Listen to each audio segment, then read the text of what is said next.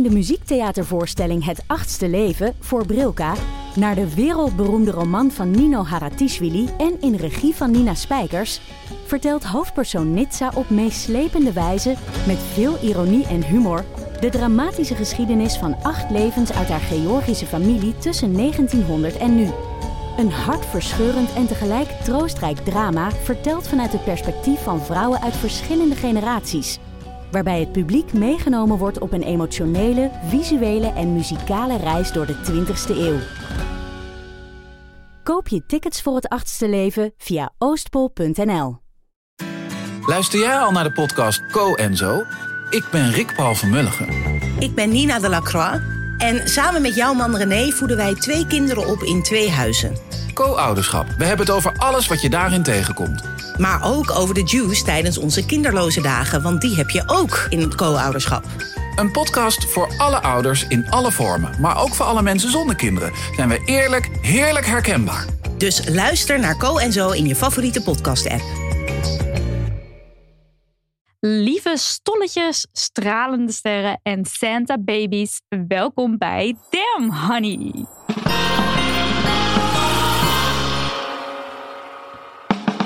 De podcast over shit waar je als vrouw van deze tijd mee moet dealen. Mijn naam is Nidia En ik ben Marilotte. en dit is de very special kerstspecial van het kroonjaar 2020. Coronajaar. Zoals jullie van ons gewend zijn, bespreken we in deze aflevering allerhande feestdagen, dilemma's en problemen en geven we onze ongezouten mening over maar liefst drie kerstfilms. Een Netflix-hit, een queer kerstfilm en een klassieker. Ja, en dit alles doen we met Bette van Meeuwen. En Bette is fotograaf en allround leuk mens dat op haar Instagram, @bettephotography, regelmatig post over allerlei belangrijke zaken. Dingen waarover jij denkt van nou, hier moeten mensen iets van weten. Eh, of ik wil hier het gesprek over aangaan. Dat vind ik ook altijd heel interessant en leuk. Dat je vragen stelt aan je volgers en dat je dan weer ook de interactie aangaat met mensen. Eh, je doorbreekt daar ook taboes. We love it all. Dus welkom, lieve Bette. Dankjewel. Eh en eh, wij hebben net een naaktshoot met je gedaan. Yes. Vorige week. Of deze week. Nou, niet uit. geleden. Even een tijdje terug. Ja. Dus we kennen elkaar nu door en door. En nu ik die naaktshoot toch noem, kunnen we net zo goed heel even over uitweiden. Ehm, we hebben die fantastische foto. Ja, ik zeg het, het is nu, terwijl we het opnemen, is hij nog niet gepost. Maar hij is gisteren gepost in, zeg maar, luisteraarstijd. Ehm, op onze Instagram met de hashtag WeAreJulia. En dat hebben we gedaan om bewustzijn te creëren voor de zaak van de Russische feministische activiste Julia Svetskova. Mhm, En perfect. mis- Misschien wil jij er nog wat over vertellen? Over de. Ja, zeker. Eh, nou, wij, eh, of tenminste Saskia en ik, Saskia van The Curvy Chapter, ehm, hoorden daarvan via Amnesty. En wij dachten meteen van, wow, dit is zo heftig. Zij heeft namelijk, Julia heeft tekeningen gemaakt van naakte vrouwenlichamen. Eh, vrouwenlichamen zoals we die allemaal kennen met spieren, met hangende borsten, met strié, okselhaar, alles erop en eraan. Gewoon normale vrouwenlichamen zou je denken. Eh, maar in Rusland dachten ze: nee, dit zijn geen lichamen, dit is porno. Ja. En daar staan wij, ehm, ja, daar, daar gaat iets fout. Ja. Eh, dus er hangt nu een celstraf van zes jaar boven haar hoofd. En ze kan ook het land niet uit nu, geloof ik. Klopt. Toch? Ja. Ze zit nu in, eh, ja, ze heeft straf. Ja. Om het maar heel simpel te zeggen. Ze mag haar huis niet uit. Ik zat vandaag weer naar te kijken naar die tekeningen. En Ja, het is echt. het zijn zulke simpele Ja, zijn een tekeningen. soort, ja, een soort potlood pentekeningen. Hè? Gewoon Mhm. lijntjes. Het is ook niet dat het soort super gedetailleerde... Nee, helemaal niet. Dus is daarom echt is het zo, zo raar. Wij kunnen ons dat niet voorstellen. Ehm, maar we wilden dus wel meteen actie ondernemen. En daarom hebben wij eigenlijk verschillende mensen, uiteindelijk zijn het alleen vrouwen geworden, eh, uitgenodigd om eh, bij mij in het atelier te komen om eh, semi en soms helemaal naaktfoto's te laten maken. Om dus te laten zien van het is niet, het is geen porno, het zijn normale lichamen. Ja. Ehm, En dit Ja. gaat over ons allemaal. Precies. Ja. Dit zou ons allemaal kunnen overkomen als wij daar in Rusland waren geboren. Ja. Eh, dus waarom zouden wij niet in, in solid- solidariteit staan met Julia? Echt mooi. En de hoop is dan dat ehm, dankzij de aandacht die ook al die foto's weer gaan eh, genereren, dat mensen zich weer gaan uitspreken erover. Ja. En ook dat je een brief stuurt. Hè? Dat kan Ja, via zeker. Amnesty. Ja. En op Amnesty staan ook voorbeeldbrieven. Dus voor de mensen die denken, oeh, ik wil dat wel, maar moeilijk. Ja, je, er is letterlijk een knop download voorbeeldbrief. Dan krijg je alles op en aan, e-mailadres. En dat kan je gewoon kopiëren, plakken. En, je stuurt het op. En eh, ik zag vanmiddag een ei- einddatum staan. Ja, het moet voor 1 januari Voor 1 januari. 2021. Oké. Dus we hebben Snel, niet heel lang meer. Ja. Marilotte, Hmm. wat is het minst feministische wat jij de afgelopen tijd gedaan en over gedacht hebt? Ehm, ik heb een hele, hele kerstige, minst feministische. En ehm, ik deed het ook nog eens in bijzijn van een luisteraar. Dus ik kan er niet onderuit. Hm. Ehm, mijn plan was om dit jaar een duurzame kerstboom te kopen.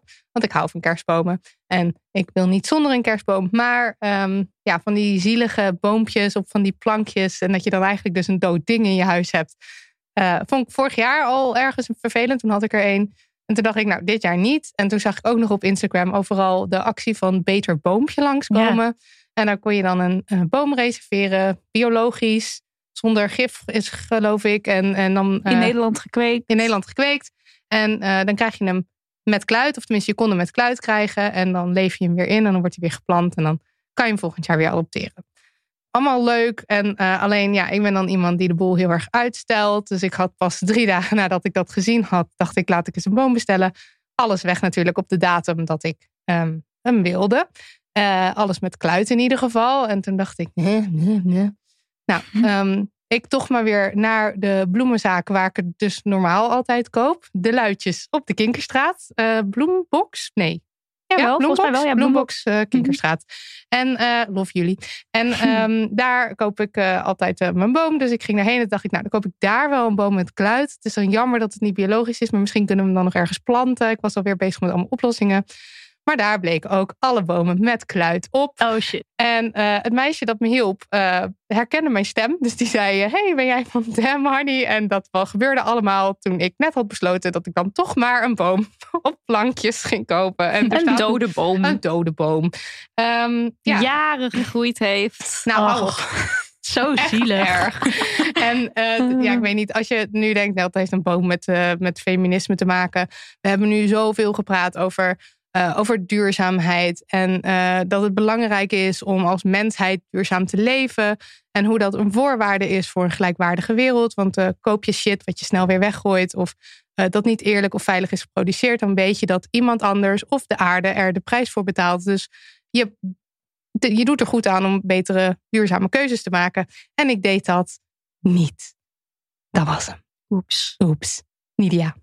Ja, ik ben toch wel weer in het consumerism kerstgat gevallen. Ik weet niet of jullie dat herkennen, maar dat je meer zin hebt om dingen te kopen in deze tijd. Misschien is het ook te maken met corona. Ik weet het Het, niet. het is wel een lockdown ding bij mij. Ik heb meteen, ik hoorde lockdown en ik heb meteen zin om dingen te bestellen. Ja, ook die angst van dan kan ik het niet meer kopen, dus ik moet dan moet nog wat kopen of zo. Ja. Misschien is dat Beetje wel. horderen. Ja, ik weet niet. Maar ik heb dus nieuwe hardloopschoenen gekocht en die zijn niet duurzaam, want dat zijn gewoon mijn favoriete hardloopschoenen. Vind ik ook echt moeilijk om daar duurzame schoenen van te vinden. Dus als iemand een tip heeft voor Ja. over twee jaar, echt? Vindt het? Zijn dat hardloopschoenen? Ja, je hebt er van alles. Oh, Ik nice. koop daar echt alles nu. Het is allemaal tweedehands. Maar, Maar de hardloopschoenen tweedehands? Want kijk, het idee van hardloopschoenen is natuurlijk dat, dat, het, dat ehm, de, de, de ondersteuning eruit gaat. Dus Ja, als iemand maar- anders hem al kapot heeft gelopen. Nou, maar er zijn ook heel veel spullen die daar gewoon nieuw zijn. oh, dan kopen mensen ook verkeerde opzoeken. maat of zo. Ja, of ze, of ze gebruiken het nooit. Oh, nou ja, kijk, dit heb ik dus niet gedaan. ik heb ook een nieuw shirtje gekocht om in hard te lopen. Van Lululemon, is ook niet duurzaam. wel prachtig. Ja, ik heb het ook nu aan. om het een beetje goed te maken, gewoon elke dag aandoen. Eh, ik heb een nieuwe lamp gekocht voor in mijn huis. Ik heb ook een kerstboom, maar wel een beter boompje. Maar goed, het is gewoon dat je dan zin hebt om dingen te kopen. Stom. Ja. Ja. Het is wel gaande. Ik ga maar niet opnoemen wat Ja. ik allemaal gekocht heb. Eh. Nou, de shoot die ik dus heb gedaan. Ik vind het uiteindelijk. Het is natuurlijk een prachtige shoot geworden. Ehm, maar ik had zelf beter mijn best willen doen op de diversiteit. Ja. Eh, ik heb daar wel zeker over nagedacht. Het is gewoon niet helemaal inclusief geworden zoals ik had gehoopt. ja. Ehm, dus dat, dat is iets wat ik volgende keer beter had willen doen. En daar baal je dan nu achteraf.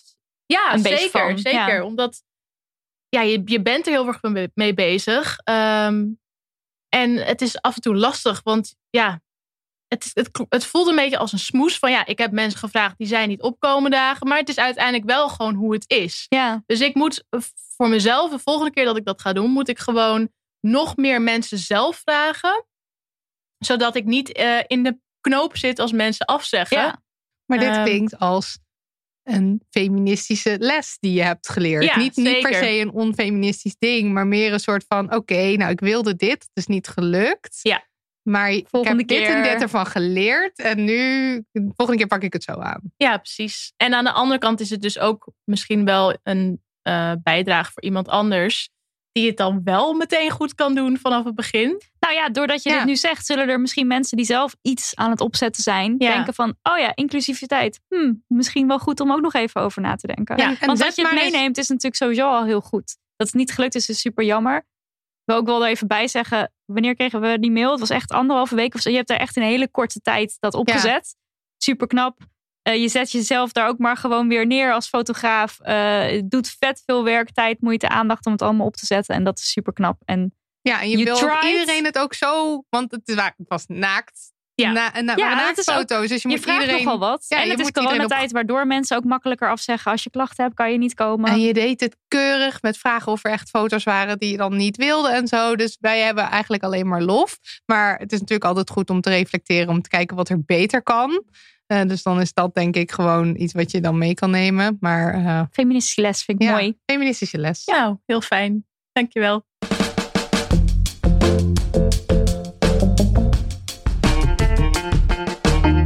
Oké, nou vandaag doen we de dingen even anders dan normaal. Dus normaal zouden we nu eh, post gaan voorlezen. Maar we hebben allerlei dilemma's en vragen rondom de feestdagen verzameld. En ehm, we hebben bedacht dat we nou, een stuk of drie dilemma's eh, doen. Misschien kunnen we er allemaal eentje kiezen uit de lijst. Als jij hem ook zo meteen eh, op je telefoon erbij kan pakken. En dan doen we daarna weer een film. Dan Ja. doen we weer wat dilemma's. Doen we weer een film. Dilemma's, film, dilemma's. Klaar. Nou mensen, dan weten jullie wat jullie kunnen verwachten. Ehm, Begin jij. oh, begin ik. Is een, mag, hoeft niet. Jeetje. Hoeft You niet. put me on the spot Oh, hier. We hebben heel veel dingen binnengekregen. Wat, Ik vind er ook heel veel echt leuke, originele dingen tussen zitten. En het is natuurlijk omdat het het kroonjaar is, eh, toch wel eh, ook wel anders dan de voorgaande jaren. coronajaar Ja, kroonjaar. Oké, ehm, laat ik met iets heel simpels beginnen. Geen familieproblematiek, maar iets simpels. Ik haat inpakpapier, maar vind ook geen goede vervanger. Leuke vraag. Hele leuke vraag. Ja, en ook eentje waar ik wel tegenaan loop. Want ik hou dus heel erg van cadeautjes heel mooi inpakken. Dus dat, je, dat een cadeautje krijgen, los van wat erin zit, maar dat het echt even een soort, nou ja, beleving zou ik ook niet willen zeggen. Maar dat het echt, weet je wel, vroeger deed ik ook echt zo pakpapier en dan nog folie eromheen en dan ertussen confetti. Wauw. Dat het echt zo, wow, vet leuk. En als je ook nog inpakpapier weet te vinden wat bij iemand past. Nou, dat vond ik helemaal leuk om te doen. Ik hou sowieso van eh gericht cadeautjes uitzoeken. Maar ik voel mij heel erg in deze vraag. Want de laatste tijd natuurlijk het hele duurzaamheidsverhaal. Ja, eh, inpakpapier, dat koop je, dat scheur je en je gooit het weg. En dat Mhm. is het dan. Ik had vroeger trouwens mijn oma, die, die bewaart het geloof ik altijd wel. Dat vonden we dan vroeger heel stom. Maar eigenlijk is dat heel goed Ja. haar. Eh, Ja, mijn moeder die bewaart het ook. Die heeft, eh, als er ergens een mooi papiertje omheen zit, dan haalt ze dat zo eh, heel voorzichtig, netjes eruit. nauwkeurig, Ja. lekker opvouwen. Ik hou er ook wel van om het zo rats open te Oh, scheuren. dat wilde ik dus net vragen. Ben je dan iemand die echt Nee. tergend langzaam Nee, nee, nee, nee, alles nee. Nee, uitpakt? het, nee, het is- het gaat om de beleving Ja. van het scheuren. Maar kijk, als je dus geen inpakpapier omheen doet, oké, dan gaat de beleving weg. Nou, fijn, dat is dan niet zo heel erg. Maar dan zie je ook meteen wat het is. En dat is natuurlijk wel leuk dat iemand niet weet wat het is. Dus wat kan je dan doen? Ja, maar ik, ik heb wel een vriend die stelselmatig alles inpakt in kranten. Ja, dat vind ik slim. En dat vind ik ook heel Als je een leuk. krant hebt, ik heb geen krant. En dan kan je zelf nog kijken naar of er nog een grappig artikel staat wat enigszins van toepassing is op degene. En dan is het ook nog eens een soort doordacht, Mhm. doordachte beleving.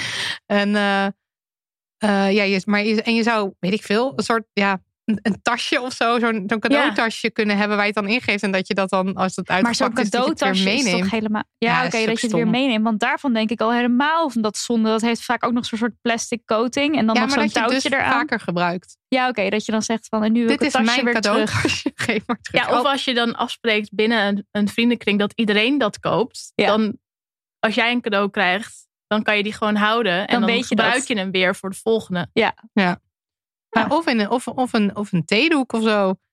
Eh, en dan Ja. daar een touwtje omheen. Ja, ik bedoel, het gaat natuurlijk om het uitpakken van iets. Want en dat je dus niet meteen ziet wat iets is. Maar we moeten eigenlijk gewoon normaliseren dat dat waar het in ingepakt is, iets is wat niet weggegooid wordt. Dus of dus een theedoek en dan zeg je van ja, het is een beetje raar misschien, maar het is een theedoek en ik wil hem weer terug. Of Ja. de theedoek is ook een cadeau, dat kan natuurlijk ook. Ja, ik er zijn ken ook iemand wel, die dat doet. Ja, er zijn ook wel eh, duurzame opties, maar dat zou je eigenlijk gewoon even moeten googlen. Ja, de duurzame inpak. eh, ja, want die zijn er dus wel. opties, Alleen ja. ik heb eigenlijk even geen idee. Je hebt natuurlijk allemaal recyclede dingen en zo. Ja. Ik denk dat folie sowieso geen goed idee is. Voelt niet als een goed idee. Nee. Ik, ik, ik- vooralsnog ben ik het meest voor de kranten. Want zelfs als je geen krant hebt, kan je wel aan een oude krant komen, heb ik het idee. Dan vind je er maar, dan zoek je er maar een in, een- in een oude eh, prullenbak. Ja, Ja, maar het is wel leuk sok. om er gewoon eens even over na te denken. En mensen er ook weer dat mee te geven. Van let daar eens een keertje op. ja, of we vinden gewoon- het wel gewoon heel normaal dat alles ingepakt is de hele tijd maar. En het is toch ook leuk? Kijk, ik vier geen Ja, cadeautjes wij kregen, kerst, wij maar kregen deze week een enorme doos in de post. Helemaal paars ingepakt. Nou, wij uitpakken. Daar zat nog een doos in. Er zat weer allemaal zooi in. En daar zat weer wat in. En toen was het waren twee kleine cadeautjes die breekbaar waren. Maar dat is echt in Hmm. een gigantische doos. En als je niet weet van wie het is, want dat wisten we ook niet. Dan is dat echt... Ik vond echt, dat vond ik echt een beleving. ja, het, dra- het draagt wel bij aan Ja. de beleving. Het Ik is denk, wel wat is het? Wat is het? Wat is het? Wat is het? Ja. Oké. Ja. Nou, Marilot, heb jij een dilemma? Vast. Even kijken. Kan Bette ook vast zoeken? Hmm. Oh ja, We hebben ook wat langere vragen trouwens. Ik doe nu nog even een korte. Ja. Ik host een mini gourmet. Is het gourmet? Gourmet. Ik zeg gourmet. Ik ook. Ik heb het al zo lang niet Zijn gedaan dat jullie ik niet meer weet hoe ik het uit Zijn moet jullie spreken. gourmet mensen? Het is niet zo dat als, als ik uitgenodigd word voor een gourmetavond, dat ik dan Dat je denk... nee zegt? "Eeuw, nee, ik vind het dus wel grappig. ik vind het wel vermakelijk, maar ik zou er niet... Mijn schoonfamilie doet het altijd. Mensen doen het ook altijd met vlees. ja, dat Ja, is dus oh, maar het hele hier ding. gaat dus de vraag over. Wacht, Oh ik ja, ga het even sorry. afronden. Ik host een mini gourmetavond, maar eet zelf vega. Vlees kopen voor mijn gasten? Ja of nee? Leuke vraag. Leuke vraag. En- Kijk, ik, deze pleasende vrouw, die altijd maar iedereen eh soort van doe vooral leuke dingen, want ik wil jou alles gunnen, zou dan toch vlees gaan kopen. Terwijl ik zelf geen vlees meer eet. Dat vind ik dus heel stom van mezelf. Ja, dat zou ik, ik- niet aanraden. ik- maar ik, ik- ben gewoon die. Oh, please, dat jij het maar leuk hebt. Dat Ja. is verschrikkelijk. Ja, Ik jij heb een cijfer- jij hebt vrouwenprobleem. een vrouwenprobleem. Jij. Ja. Maar, is hoe het juist jullie hiernaar? Ja, is het juist niet een heel goed moment om mensen te laten kennismaken met Ja. hoe lekker I know. Vega vlees of tofu of het whatever. is wel, gourmet is wel een lastige, maar het is wel een uitdaging. Ja, maar ook, ook vega gerechten moeten toch gewoon verhit worden. eh, In veel dan. Ja. Dus eh, je zorgt voor... Ja, en wat- je hebt allemaal lekkere vega-hapjes tegenwoordig. Want ik heb dus eh, normaal, we gaan dus nu dit jaar niet vanwege corona, maar dan gaan we met mijn schoonouders dus gourmetten met het gezin van mijn vriend en de aanhang. En eh, dat is dus grappig, want wij zijn dan de enige twee die eh, vega eten. Maar dan is er altijd iemand die zegt: Oh, dat ziet er eigenlijk wel lekker uit. Mag ik, eh, mag ik er ook eentje van? En dan voor je het weet is alles leeggekaapt. ja, want dan eten zij dan, vinden ze dan een Ja. noviteit. Ja, omdat het dus ook echt lekker is. Ja. Ja. En er zijn ook echt inderdaad hele goede vleesvervangers. Ik vind die Beyond Burger echt helemaal de shit. Oh Echt ja, dat kan je natuurlijk ook Die kan je ook een stukje snijden. Gewoon zo, weet je dat. Of Ja, zo. om toch nog de vlees-experience te geven. Ja, als je dat wil, maar dat hoeft niet. En, en hoe lekker is groente van, eh, of, of hoe noem je het, van de barbecue? Maar ik weet niet of dat dan hetzelfde is van de gourmet. Van de gourmet. Ja, jawel toch? Gewoon, Ja, je hebt toch ook altijd groente wat je erop legt? Ja, het is lang geleden hoor. dat Een pannenkoekje. Ja, Weet dat je is ook altijd leuk. Maar sowieso het vlees van de Lidl, of tenminste het nepvlees dus, Mhm. vind ik ook echt super fijn. En gewoon niet zo duur ook. Dus Goeie. Ja. ook een goede tip. En de Jumbo schijnt vet veel veganistische goede opties te hebben. Misschien Mm. ook wel rondom de gourmet. Maar het is denk ik in mijn hoofd is gourmetten zo erg, ook al eet ik het zelf dus niet meer, maar zo erg mini slavinken of Oh. mini hamburgers. Want dat staat dan altijd op die kip. tafel. Dat ik me dus het heel moeilijk in kan denken om dat te hosten en dan dus geen vlees te serveren. Terwijl vorig jaar heb ik een kerstdiner gehost en toen was het ook gewoon vega. Ja, maar dan was het dus uiteindelijk- ander eten. Uiteindelijk is een gourmet-stijl gewoon een warmtebron. Ja, precies. Het is ook maar gewoon een warmtebron. Dus, dus je, dat, dat wij daar allemaal dan aan vlees denken is ook maar een afspraak. Klopt. Dat is ook maar een idee. en dus dat straks kan je blijf je ermee zitten en dan, dat is echt zonde. Ja, en dan is zo'n beest ook maar voor niks gestorven. Ja. En, eh, maar ik las deze vraag en ik dacht echt, eh, nee, want eh, de, gasten komen bij jou en ze Klopt. eten maar gewoon wat je ze voorzet. En, want ik vind ook altijd, als jij zelf wensen hebt en iemand wil er geen rekening mee houden, dan neem je gewoon je eigen eten mee. Ja, dat wilde ik ook oh, zeggen. dat is ook een goede, ja, Ja. natuurlijk. Mensen Ja. nemen zelf maar vlees mee als ze zo nodig vlees moeten eten. hey, dat is een heel goed idee. Ja, kan je ook op de uitnodiging zetten. Bring your own vlees liever niet. Maar als Ja, je dan als echt je- zo als- nodig die mini Ja, slavink moet met je ketchup. kan zijn dat je een eh, vitamine B tekort hebt en dat je het moet. Ja, dat kan. Ja, Ja. als je het gewoon bespreekbaar maakt. Ik denk Ja. dat het niet heel, eh, heel moeilijk wordt dan. Nee, ik denk het ook niet. Nou, weer een dilemma de wereld uit, leuk. Dit mensen. gaat echt heel goed. Bette, bring it. Eh, nou, ik vond deze eigenlijk ook heel, ja, ook wel weer grappig. Eh, misschien niet helemaal grappig bedoeld, maar er staat... eh, mensen willen altijd kerst vieren, maar ik haat het en ik wil liever chips eten in bed. I Ik love this. dat is echt wel een moed hoor. Ja, enorm. En herken jij jezelf daarin? Een beetje wel. Ja. Hoe ziet dat- jouw kerst eruit? Oh, nou, ehm, mijn kerst is eigenlijk al, eh, zolang ik weet, hetzelfde als in we hebben eh, op kerstavond, dan doen we alvast een paar cadeautjes. Oh, dus er zijn cadeautjes. Ja, er zijn cadeautjes. En dan daarna is het dus kerstontbijt. En daarna, weet ik veel, kerstbrunch, lunch. En daarna een zeven gangen diner. Wow. Elk jaar. En is het met je familie? En het is met mijn, ja, met mijn ouders en eh, mijn zusje was het dan altijd. En nu sinds tien jaar is het dus alleen eh, met mijn moeder en mijn zusje. Want mijn vader is helaas overleden. En mijn moeder heeft nu een nieuw vriend. En die is er dan nu ook bij. Ja. Ehm, maar sinds mijn vader dus is overleden, is het gewoon nooit meer hetzelfde geworden. En nu is het, duurt dat zeven gangen diner. Dat duurt gewoon echt ellenlang. Ja. Maar het is Ehm, altijd een zeven gangen diner geweest. Altijd. Dat is, een, dat is een traditie die is er wordt voortgezet. een kerstkaart gemaakt. God, I met the Comic kerstkaart. Sans. God, het is En dat is wel heel schattig. Ja. Ehm, Maar wel dus echt heftige tradities wel. Ja. ja. En ik probeer dat nu een beetje af te breken. Eh, dus ik zei ook van, ja, weet je, we kunnen ook gewoon een keer naar de bios gaan. Of Ja. zes gangen. Nou, Noem eens wat. of niet elk jaar sjoelen, maar ander spel. Jij doet ook sjoelen, toch? Ik doe ook zo, ja, met, eh, met eh, familiedag. Eh, Ja. dan op een gegeven moment is iedereen het zat. En dan pakken we de shultafel erbij. En dan is Ja. de avond, dan vullen we de rest van de avond met dat. En Ja. dan gaan we naar huis. Ja, Heerlijk. En eh, ik weet niet of je daarover wil hebben hoor, maar het overlijden van jouw vader, is dat. Nemen jullie je vader mee in de, zeg maar, in de nieuwe kerstviering?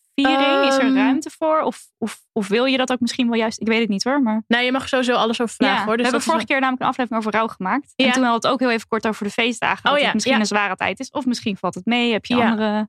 Ehm, nou, we nemen mijn vader niet zozeer mee, maar wel, ja, ik weet niet hoe je dat precies bedoelt, maar af en toe worden er wel herinneringen opgehaald. Mm, dus oh dat, ja. is wel, dat is wel gewoon een fijn iets. Ja.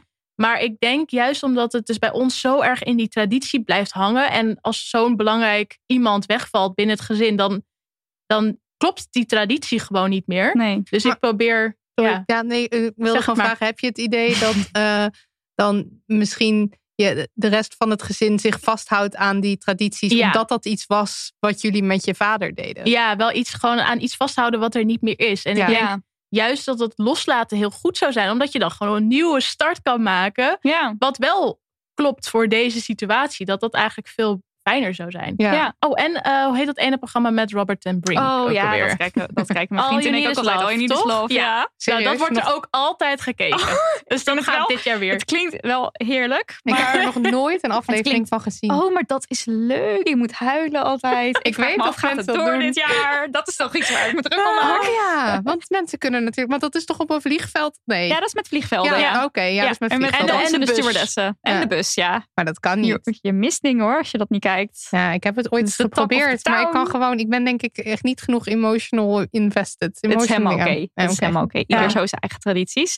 Ehm, maar je zei dat je je dus wel herkende in het eh, chips eten op de bank verhaal. Ja, zeker. Durf jij, of is er een mogelijkheid voor jou om te zeggen: Oké, ik doe dat stukje wel mee, maar dat stukje niet? Of is dat niet een optie bij jouw familie? Ja, eh, nou ja, normaal gesproken was het dus echt drie dagen kerst. Drie dagen. Ja, Wow. dus eh, kerstavond, eerste kerstdag, tweede kerstdag. Want op tweede kerstdag is er ook nog een soort programma. Wat, Ja, Jullie doen. dan was het, ja, was Gewoon het gewoon gezellig. bij elkaar zijn. Ja. En nu heb ik dus inderdaad gezegd van, nou, tweede kerstdag is het voor mij genoeg. ja, Ik ga weer lekker naar huis. Oh, ja. goed. Eh, je moet- en dan ga ik ja. gewoon doen wat, wat ik wil eigenlijk. En Ja. dat zou ik die persoon ook proberen aan te raden. Ja. Van ja, eh, probeer het een gedeelte inderdaad zoals de rest het graag wil. En dan het andere gedeelte wat jij fijn vindt. Ja, en dat Ja. je dus ook durft op te komen voor je eigen stukje. Van Ja, oké, precies. die tweede kerstdag doe ik toch even lekker zelf. Ja, je mag best je grenzen stellen. Want je wordt ook, ik bedoel, uiteindelijk worden we dan ook zelf. Dit, dit zijn allemaal dingen die zijn blijven hangen uit eh, toen je tiener was. En uiteindelijk, ik vond dat ook een lastig moment van wanneer ben je nog het kind Ja. en doe je nog al die dingen die je ouders willen en wanneer ehm, niet meer. Om- Want bij Ja, ons was het altijd je, mag je niet komen met kerst? Ja, maar kan dat- je dat maken? Is dat Of- iets wat, of hechten ze er heel veel waarde aan? En, en je merkt denk ik toch altijd wel dat er veel druk is naar kinderen om dan te komen, omdat het idee is van we zijn met z'n allen samen. Mhm. Terwijl, eh, stel je krijgt een, een partner ook, dan moet je dat dus opeens weer. Maar dat lijkt ook de enige, hoe noem je dat? Legitieme legitieme reden, reden, om, ja. het, om, de, om de tradities te onderbreken. Want de schoonfamilie wil natuurlijk ook, Ook iets. kerst, kerst vieren. Ja, ja. En, nou, maar ik ben er. Voordat ik, eh, voordat ik een relatie had, was het altijd standaard van je gaat een, we gingen altijd alle dagen ook naar huis. Mhm. En het is heel moeilijk om die traditie te doorbreken. Ja, maar ik denk dat stel je voor dat er een eh, vriend of vriendin zit in dezelfde situatie, dat jullie dan tweede kerstdag gewoon samen kunnen vieren. Ja, maar echt hoor. Ik, Ja. ik, ik, ik, ik realiseer me nu hoe relaxed. Ik heb een paar vrienden die dus gewoon ker- tweede kerstdag thuis zijn. Ja, Je, ja, Nidia, eentje ervan. Eh, maar ik heb dat dus nog nooit gehad. Het lijkt Ik heb me echt zelfs heel vaak allebei de kerstdagen thuis pizza in mijn eentje gegeten. Het I lijkt me it. echt de fucking hemel maar hoe zei je dat dan tegen Nou, je mijn ouders? ouders, eh, maar dat is dan in een tijd geweest dat ik ofwel geen vriendje had, of ik heb eh, een vriend gehad wiens beide ouders zijn overleden. Dus dan Mm. vierden we niet eh, kerst bij een familie per Ja. se. Misschien kerstavond met andere familie, maar niet dus die schoonouders familie, eh, dineetjes. Maar mijn moeder, dat is wel grappig, die heeft dus zelf, die is denk ik eigenlijk de chipsvrouw in dit verhaal. Oh, Dus zij heeft, zij voelt ook best wel druk rondom dit soort feestdagen. En ze gaat dan wel naar haar eigen moeder. Dus dat is dan mijn oma, waar dan mensen samenkomen. Maar zij heeft ook heel erg zoiets van, en het moet allemaal maar. En ik wil gewoon boerenkool eten en thuis zitten, zeg Ja. maar. Dus ehm, die vibe is een beetje in mijn familie. Dus ik kan wel naar mijn oma gaan met heel veel mensen, maar het hoeft niet. Ik vind dat best wel intens, want er zijn heel veel mensen, die heb ik dan al niet gezien. Er is heel veel prikkels, heel Mhm. heftig. Dus ik ga daar vaak niet heen. Het is niet heel netjes misschien, maar goed. Ehm, en tweede keer, het is dus niet dat ik dan iets mis bij mijn ouders, want dat, er gebeurt dus niks bij mijn ouders. En die vinden het ook wel lekker dat er niks gebeurt. wat fijn. En mijn moeder is ook heel erg dat ze dan heel veel die druk voelt van het moet schoon en netjes. Dus voor haar is het echt heerlijk als mensen niet komen. En mijn ouders die zijn lang geleden getrouwd op 28 december. Oké. Raarste datum op aarde, I know. Want hoe heb je tijd om te trouwen tussen al die feestdagen in? Ik weet niet, dat was 30 En jaar welke geleden mensen anders. kwamen er dan? Want, Het was sowieso denk ik niet een soort mega uitgebreide bruiloft zoals we dat dan nu misschien kennen. Oh. I don't know. Anyway, moet ik een keer vragen. Maar volgens mij was ja, het is niet de mooiste dag in mijn moeders leven of zo. Of tenminste, zo, zo hebben we het er niet Jouw over. moeder klinkt heel chill, als Ja. ik eerlijk ben. dat, is ook, dat is ook zo. Ehm, dus op de 28ste gaan we dan uit eten normaal. Van nu dus niet, want corona. Maar dan gaan we uit eten. En dan heeft zij dus niet de stress en de paniek van Ah. de dingen. Ja. En dan heb ik dus ook gewoon mijn kerst is gewoon chill. En dan de 28ste ga ik eventjes uit eten. En dan is het allemaal weer... Fijn. Ja. ja. dit klinkt echt. Maar Ja. sinds ik weet dat jij, eh, nou ja, eigenlijk sinds ik weet dat ik vrienden heb die dus op kerstdagen dingen hosten voor vrienden. Of gewoon lekker op de bank zitten en, hun, en, en eh, 38 kerstfilms achter elkaar kijken.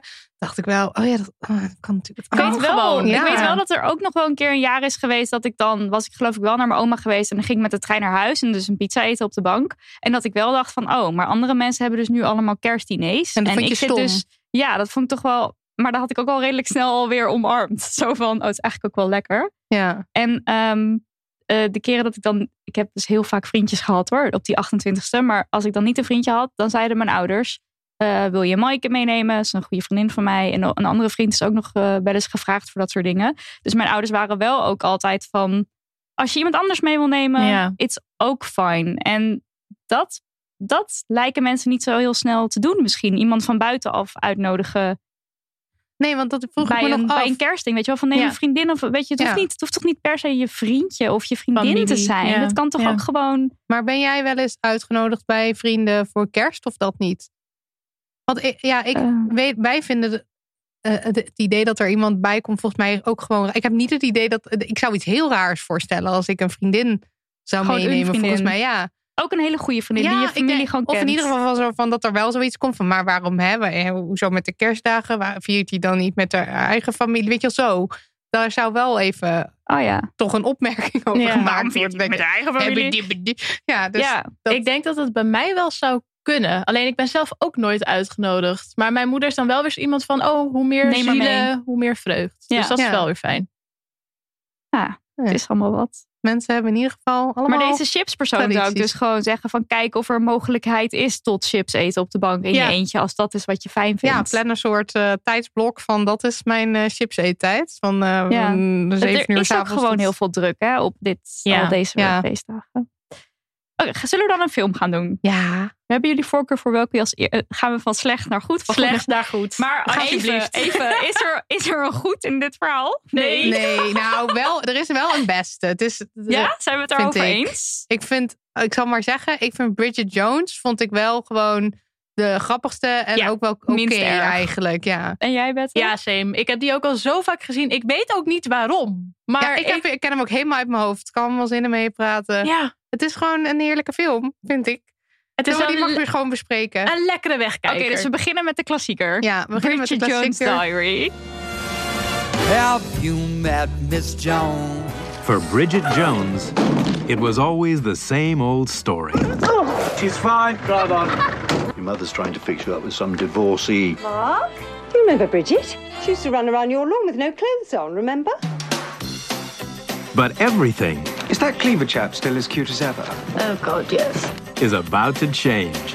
Your happiness now depends on how you behave on this one social occasion. How about a drink at my place? No funny business, just full sex. En hij komt uit welk jaar? Hij komt uit de jaren negentig. 2001 Oh, komt grapje. Bridget Jones Nou ja, Diary. Dit heb ik net opgezocht. Ik denk niet dat ik dit allemaal uit mijn hoofd weet. Eh, oh, dan moeten we natuurlijk de premise van de film moeten uitleggen. Want we hebben ook jonge luisteraars. Oh ja, En mensen die gewoon geen interesse hebben in Bridget Jones. We moeten even uitleggen wat er aan de hand is. god, dan moeten we dat samenvatten. Ja, dat, dat is wel moeilijk. Bridget Jones is 33 en single. En dat is Daar eigenlijk alles mee. wat je moet weten. Ja. Want dat kan natuurlijk niet. Die arme vrouw, zij is single en ze is al 33. TikTok, TikTok. Dat wordt ook twee keer gezegd in de film. Van, Ja. oh, poepoe, eh, it's about time. Ehm, zij werkt op een uitgeverij. En ze eh, heeft de hots voor haar baas daar. Een soort foute man, Hugh Grant. Eh, en haar moeder zit haar enorm te pushen om dus een relatie te krijgen, een vriend te krijgen. En ehm, haar moeder heeft dan het oog op een Mark Darcy. En dat is een advocaat. Eh, en die, zij kennen elkaar ook al van hun jeugd. Dus toen ze klein waren speelden ze nog wel samen. Dus die moeder die probeert dan op gatherings waar dan Mark Darcy is en Bridget is, om ze zo soort van samen te brengen. Ehm, dat is denk ik de ene premise. Ja, en ehm, eh, ik weet niet of ik dan al te veel ga recenseren. Maar wat ik dus heel vervelend vind aan deze film, is dat Bridget Jones af wordt geschilderd als een soort hopeloos figuur. Ja, en als dik. Zij vindt Ja. zich heel dik. Nou, Vooral echt, dat. ze- God, zij is zo dik. ja, Het nou, is echt- poe, poe, poe, wat is die vrouw dik? En dat is dan En ook dat is echt zo slecht. En dat is inderdaad, ik wou net zeggen, dat is dus echt in deze film het allerergste. Dat je dus dik bent, dat is echt afschuwelijk. En dan krijg je nooit een vriend. En het is echt. Er worden de hele tijd grappen over gemaakt. Ja. En het gaat... Nou, het gaat oh. En in haar dagboek, want het heet dus ook Bridget Jones Diary, houdt ze dus bij. Ze, ze bedenkt dan van, nou, volgend jaar ga ik eh, afvallen en niet meer roken. En ga ik niet meer met een foute man. En dan ik ga een soort van geweldige man vinden. Maar het is toch ook... Het Ja. is zoiets tragisch dat haar hele dagboek dus draait om hoeveel sigaretten ze heeft gerookt, hoeveel ze weegt, hoeveel alcohol ze heeft gedronken en met Alles welke man ze het doet. doet. Ja, Ja, maar zeggen. dat dat dus ook is. eh, stel ze doet dat goed, dan zijn het dus nul sigaretten, weinig alcohol en, en, en sensible. Maar dan is dat dus waar je leven om draait. Dat Ja. is zeg maar, daar gaat het om. Het voelt gewoon alsof zij alleen maar leeft naar de mening van anderen. Precies. In plaats van, oh, wat zou ik eigenlijk fijn vinden Ja. om te doen? Ik bedoel, als Maar- je lekker dronken op een bank wil zingen, doe het. Ja, Ja, want dat hebben met wat een ze foute doet. man. Ja. Kan toch gewoon? Ja, maar dat is ook, de schrijft zegt in haar dagboek van ik wil dus niet volgend jaar met een man die, en dan komt er een hele opsomming van dingen die zij dan fout vindt. Ehm, maar jij, Wette, zegt net dat je hem best wel vaak gezien hebt. Hoe oud was jij dat, dat je hem voor het eerst, was je echt nog een tiener? Ja, Ja. ik was echt, twee- in 2001 denk ik, heb ik hem dan voor het eerst gezien. En wat waren dan, wat was toen je gedachte over die film? Ja, welke gevoelens had je?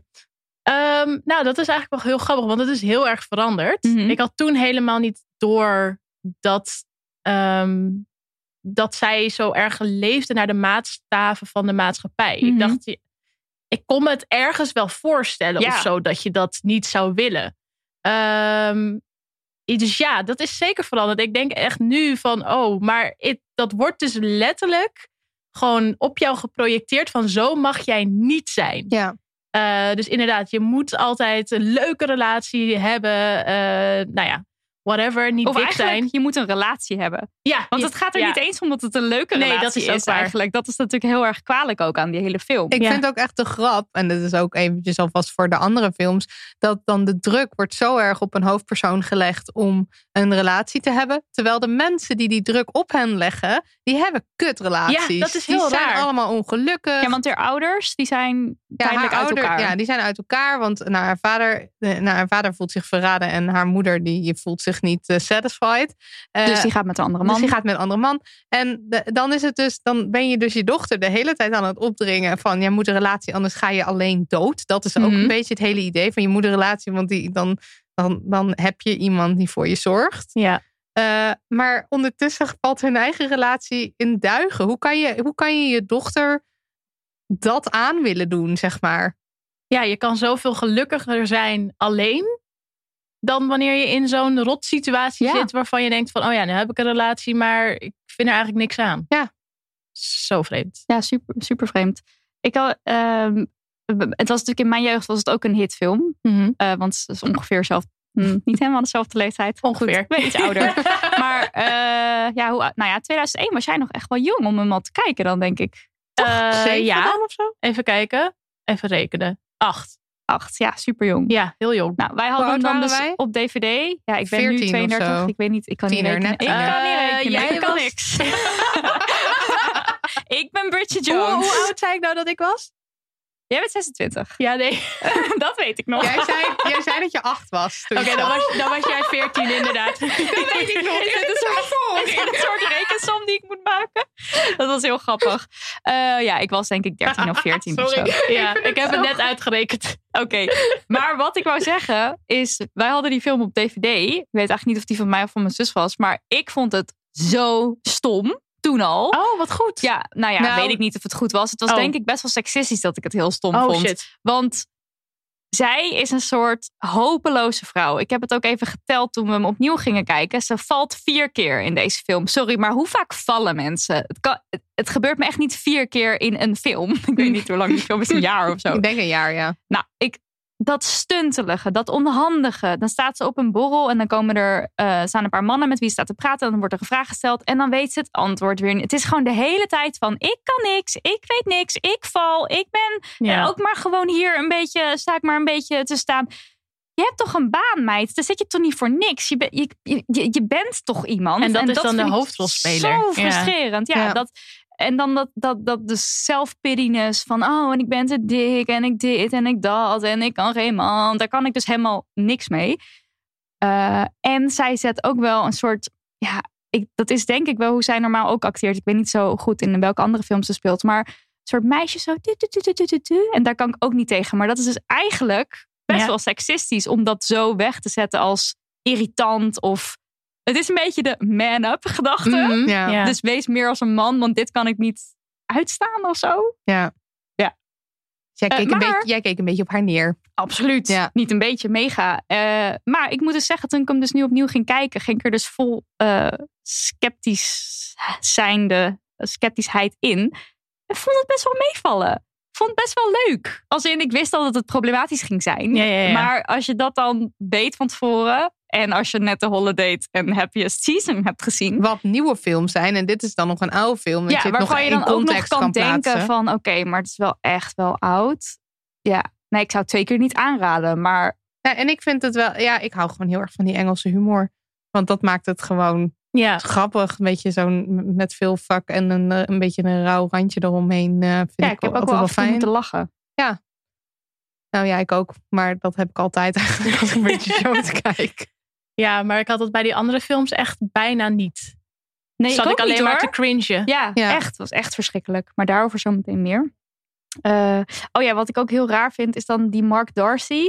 Als ze die dan voor het eerst weer in een lange tijd ontmoet, dan dat is bij een etentje. En dan vangt zij op dat hij allemaal super nare dingen over haar zegt. En eh, later in de film hebben ze niet per se interactie of zo. Of ze praten niet. Maar toch is zij dan aangetrokken tot hem.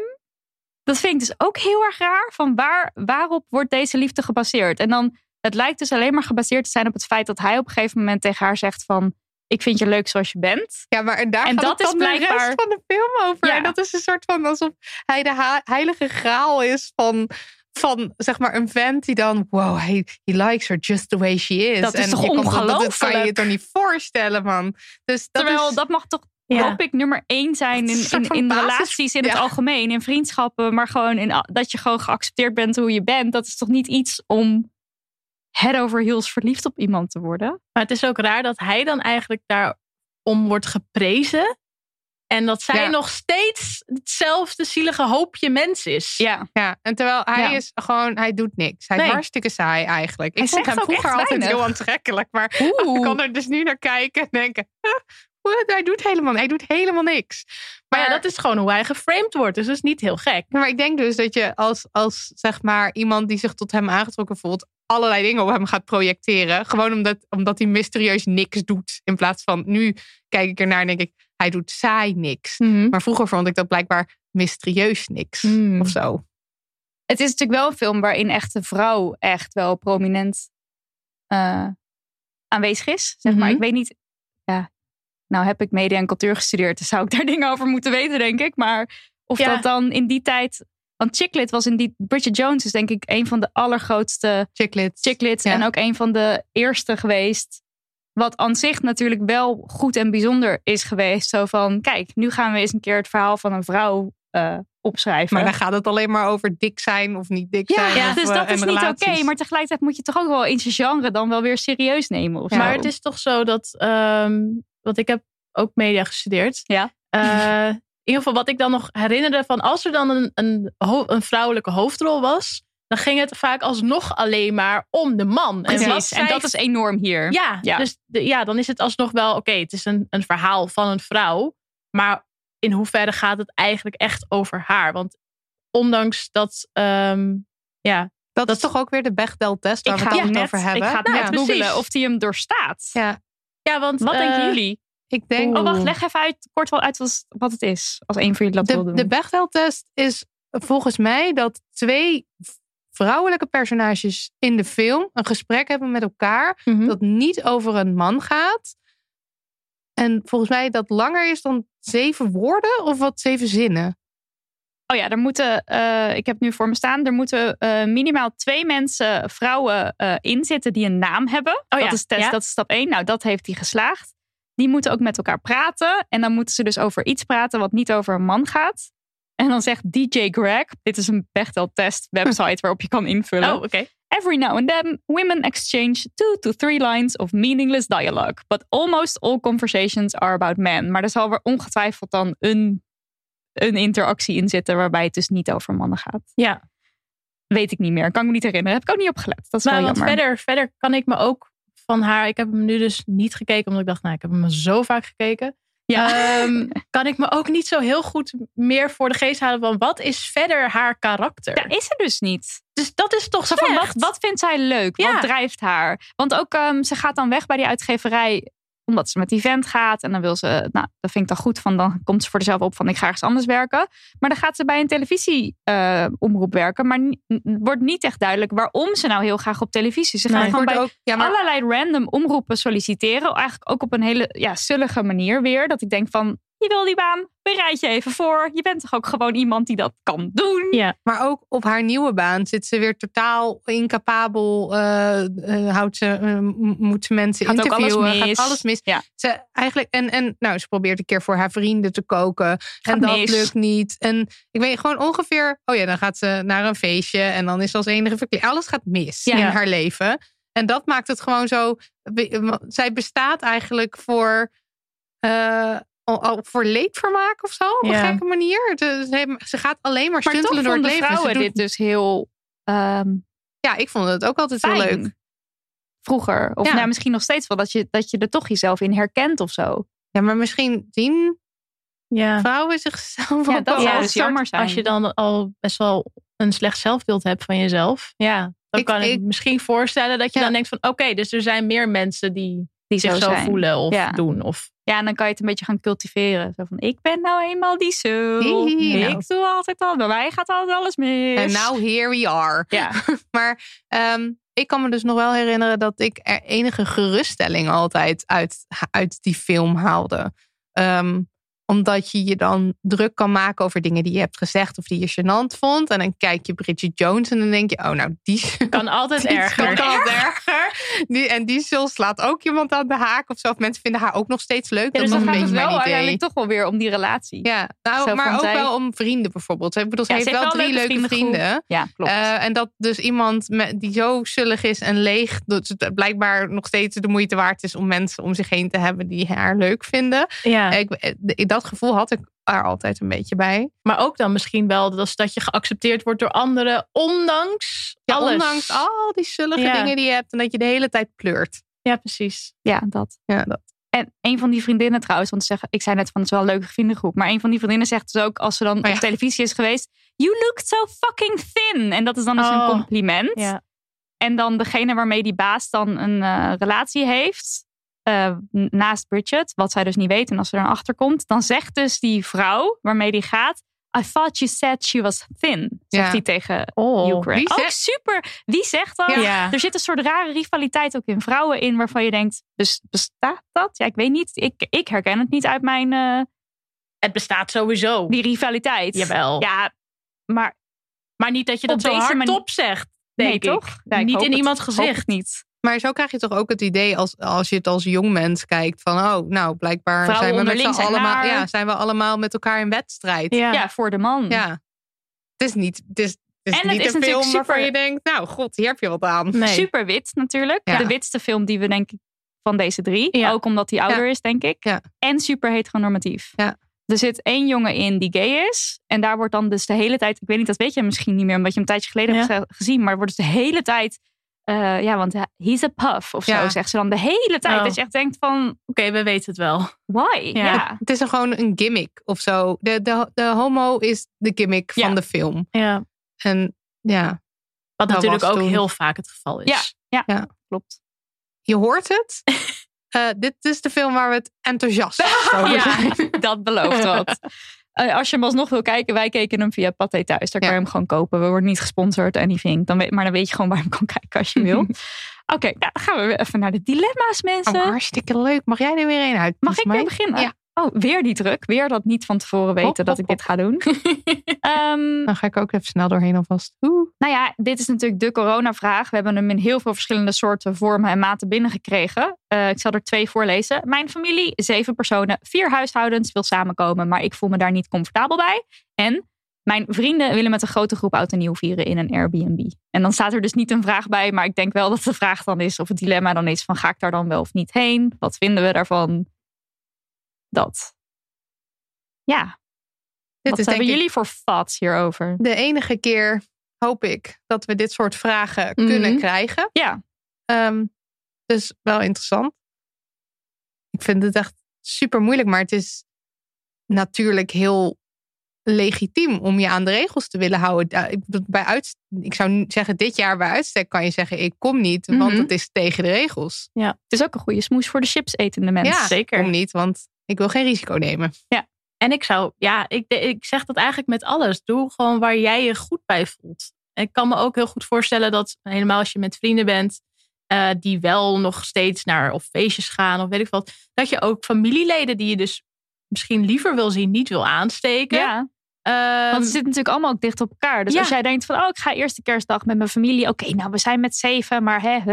Nou, en dan tweede kerstdag, nou, hè, mijn vrienden, het zijn er zeven, maar hè. En dan Ja. dus oud en nieuw, nou, het zijn er acht. En dat is zo dicht op elkaar dat, Precies. dat de kans groot is dat je het gaat verspreiden. Ja, dus ik denk dat je zoiets ook heel makkelijk kan zeggen tegen je vrienden van ja, weet je, mijn oma komt misschien wel. eh, Ja. Weet ik veel, andere mensen die in een... eh, Ik sla hem even over. Huh? Ik sla hem even over Ja. dat je dat dan toch ja, zegt. ja. En sinds ik het ehm, filmpje heb gezien van hoe in een ruimte het coronavirus zich verspreidt als je ook zelfs op afstand zit. Volgens mij In een met restaurant met was een dat mondkapje. toch? Ja. Ik weet het niet precies. Een Spaans artikel? geloof ik? Ik, ik weet, in, Nou ja, het was een plaatje bij. en uiteindelijk, uiteindelijk bleek iedereen op één na of zo met het coronavirus Ja. besmet te zijn. Dacht ik, ja, eh, het is gewoon niet te voorkomen maak die groep gewoon zo klein mogelijk. En als er dan een coronavirus mens is, dan is het in ieder geval beperkt. Je kan er eigenlijk maar beter van uitgaan van oké, dus als een van ons het heeft, dan krijgen we het allemaal, ook al houden we afstand. En als Ja. je met die gedachte erin gaat, dan is het gewoon altijd slimmer om niet met veel mensen te gaan, ook Ja. al kan je afstand houden. En ik vraag me ook altijd af in hoeverre je echt afstand kan houden. Hè? Want Mhm. even een bord pakken uit de keuken, weet je zo achter elkaar lang schuiven. Weet je, het is ja, zo moeilijk. Alle keren dat ik nu bij mensen op bezoek ben geweest, of dat mensen bij mij op bezoek kwamen, eh, is, is de intentie er altijd geweest, maar het is nooit 100% gelukt. Nee. Dat kan, het kan gewoon niet helemaal. Nee, het is gewoon heel moeilijk. Ja, het is zo in je, in je systeem om gewoon dat maar te doen en daar geen rekening mee te houden. Dat, Ja. ja. En ook aan een tafel wordt het wel helemaal lastig. Want we zitten nu echt aan een enorme tafel. Maar thuis, als je dus aan een soor- soort gelijke tafel zit met vijf mensen, is het al meteen te krap. En dan Ja, hebben we hier nog spatschermen en alles. Dat heb je ook niet aan Nee, je precies. eettafel. Deze tafel past niet in mijn huis ook. Nee. ja, nee. Ehm, ja, doe waar je goed bij voelt. Ik zou echt eh slaat, ja, slaat over. Gewoon Ja. eerlijk zeggen ook waarom. Ik denk dat mensen het dan echt wel begrijpen. Ja, of niet hè? Ja, we hebben ik ook denk een dat paar er dingen. echt- Ik weet niet of die nog voorbij. Die kunnen we dan ook nu wel bespreken. We hebben ook wel mensen die mailen van ja, ik heb familie die eh, in complottheorieën gelooft. Oh ja. Of ja. die meer die kant op neigt. Van het, het is overdreven, het gaat nergens over. Maar dan zou ik zeggen, grijp het coronavirus, de coronavirus smoes aan, om te zeggen. eh, ben ziek, kan ik- niet. Ik kan, ben ziek, ja, joejoe. Ja. Want maar ik zou niet ook bedoeld, niet die, bedoelt diegene niet eh, dat diegene niet in corona gelooft? Oh ja, zo had ik het gelezen, ja. Staat Want er niet specifiek bij. Ja, want als je dan zegt, ja, ik ben ziek, want corona, dan- dan denkt diegene juist dat het een smoes is. Want Oh ja, diegene nou ja, gelooft jammer dan. corona.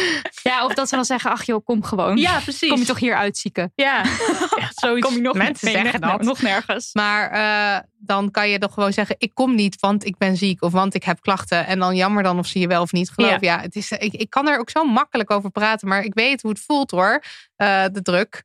Het is, het is zo moeilijk Ja. om te zeggen tegen de mensen die zoveel van je verwachten. Ja, en wat, wat misschien ook wel goed helpt, is om meteen een andere optie aan te dragen. Dus Ja, van oké, ik goeie. kom niet dan en dan, Ja. maar laten we Dan eh, dan. Een, eh, ja, een week daarna even met z'n tweeën of weet ik veel wat, dan iets gaan doen. Dan voelt diegene zich ook niet helemaal verwaarloosd, Ja. hopelijk. Dit hebben wij met mijn schoonouders. Dus mijn vriend en ik gaan naar de, schoon, naar de schoonouders in plaats van met z'n allen. Oh ja. En dan eh, is het dus twee mensen op bezoek. Ja, Bij twee mensen. Het is toch ook En dan eigenlijk kan je ook wel echt beter afstand houden dan als Ja, nog de broer en zus en de aanhang ook nog er was geweest. Ja. Ja.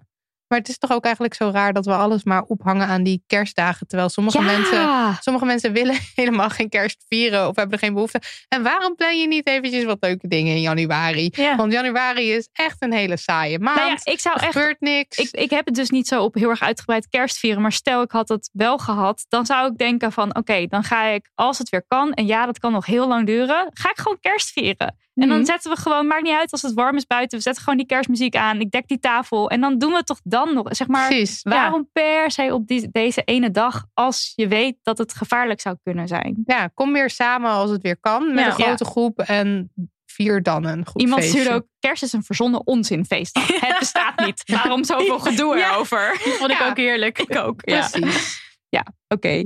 Marilot? Ehm, ja, ik was alweer helemaal afgeleid. Ehm, Die eerste vond ik wel heel... eh, Wil Oh, jij eerst? verhaal, hè? Jij Ja. dacht dat dat mijn eigen dilemma was. Ja.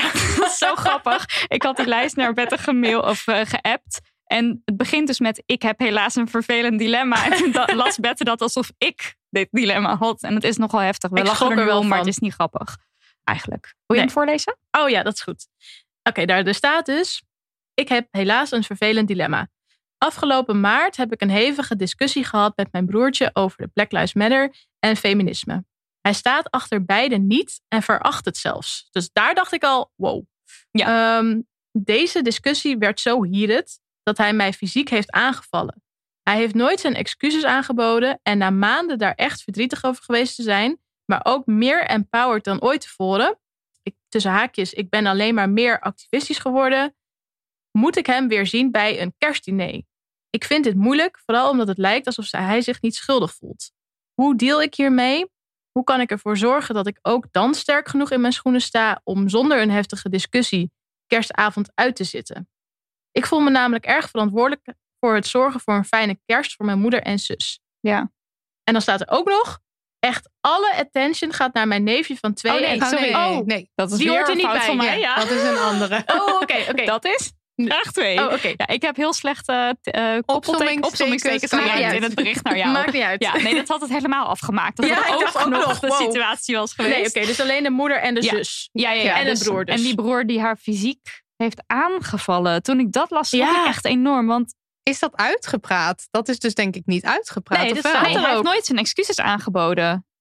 En zij is daar maanden verdrietig over geweest. Wat ik heel erg snap. Ik zou dat Ja. enorm zou ik daar, dat, dat, dat meenemen. Elke en dat dag ze- weer. En dat ze dus zich zo verantwoordelijk vo- voelt voor die fijne kerst. Ja. Dan draag je dus echt een hele zware last. ja, Want dan heb je denk ik het gevoel dat jij degene bent die dat heeft veroorzaakt. Terwijl, wie is hier nou de asshole? Ja. ja, dat is redelijk duidelijk. En ik vraag me ook af, weten die moeder en zusje, weten die ervan? Ja. Kunnen, kunnen jullie met z'n allen het erover hebben misschien? Dat zij zich niet zo eh, alleen voelt in deze situatie? Ja. Ja. Eh, ik zeg nu zij, maar dat is nergens op gebaseerd. Ja, ik geloof wel dat, het een zij, dat we dat wel in de Ik mail durf hebben. het, durf het niet vol. Oké, nee, Moet dan, ik het even dan opzoeken? Ik moeten we het neutraal eh, Ja, houden. We houden het even Ja, neutraal. we laten het neutraal houden. Maar ehm, het is ook gewoon wel... Als ik dit lees, vind ik dit best wel eng. Ja, Want zeker. fysiek aanvallen, zeg maar dat je het niet eens bent over dingen... dat is heel, ver- heel vervelend. En, maar daar krijgen we heel veel berichtjes over. Mhm. Dat er een clash is in de familie over deze onderwerpen. Ja. Dat aan zich is al heel rot en kan al voor een vervelende sfeer en alles zorgen. Maar als er ook nog een soort... Ja, ik vind dat echt acht keer een grens overgaan. Ja, want Zeker. het is niet meer eh, laten we het even gezellig houden. Er wordt hier iemand fysiek aangevallen. Ja. En iemand is dus waarschijnlijk ook bang. Ja, En, wat ik me ook kan voorstellen. Ja. Ja.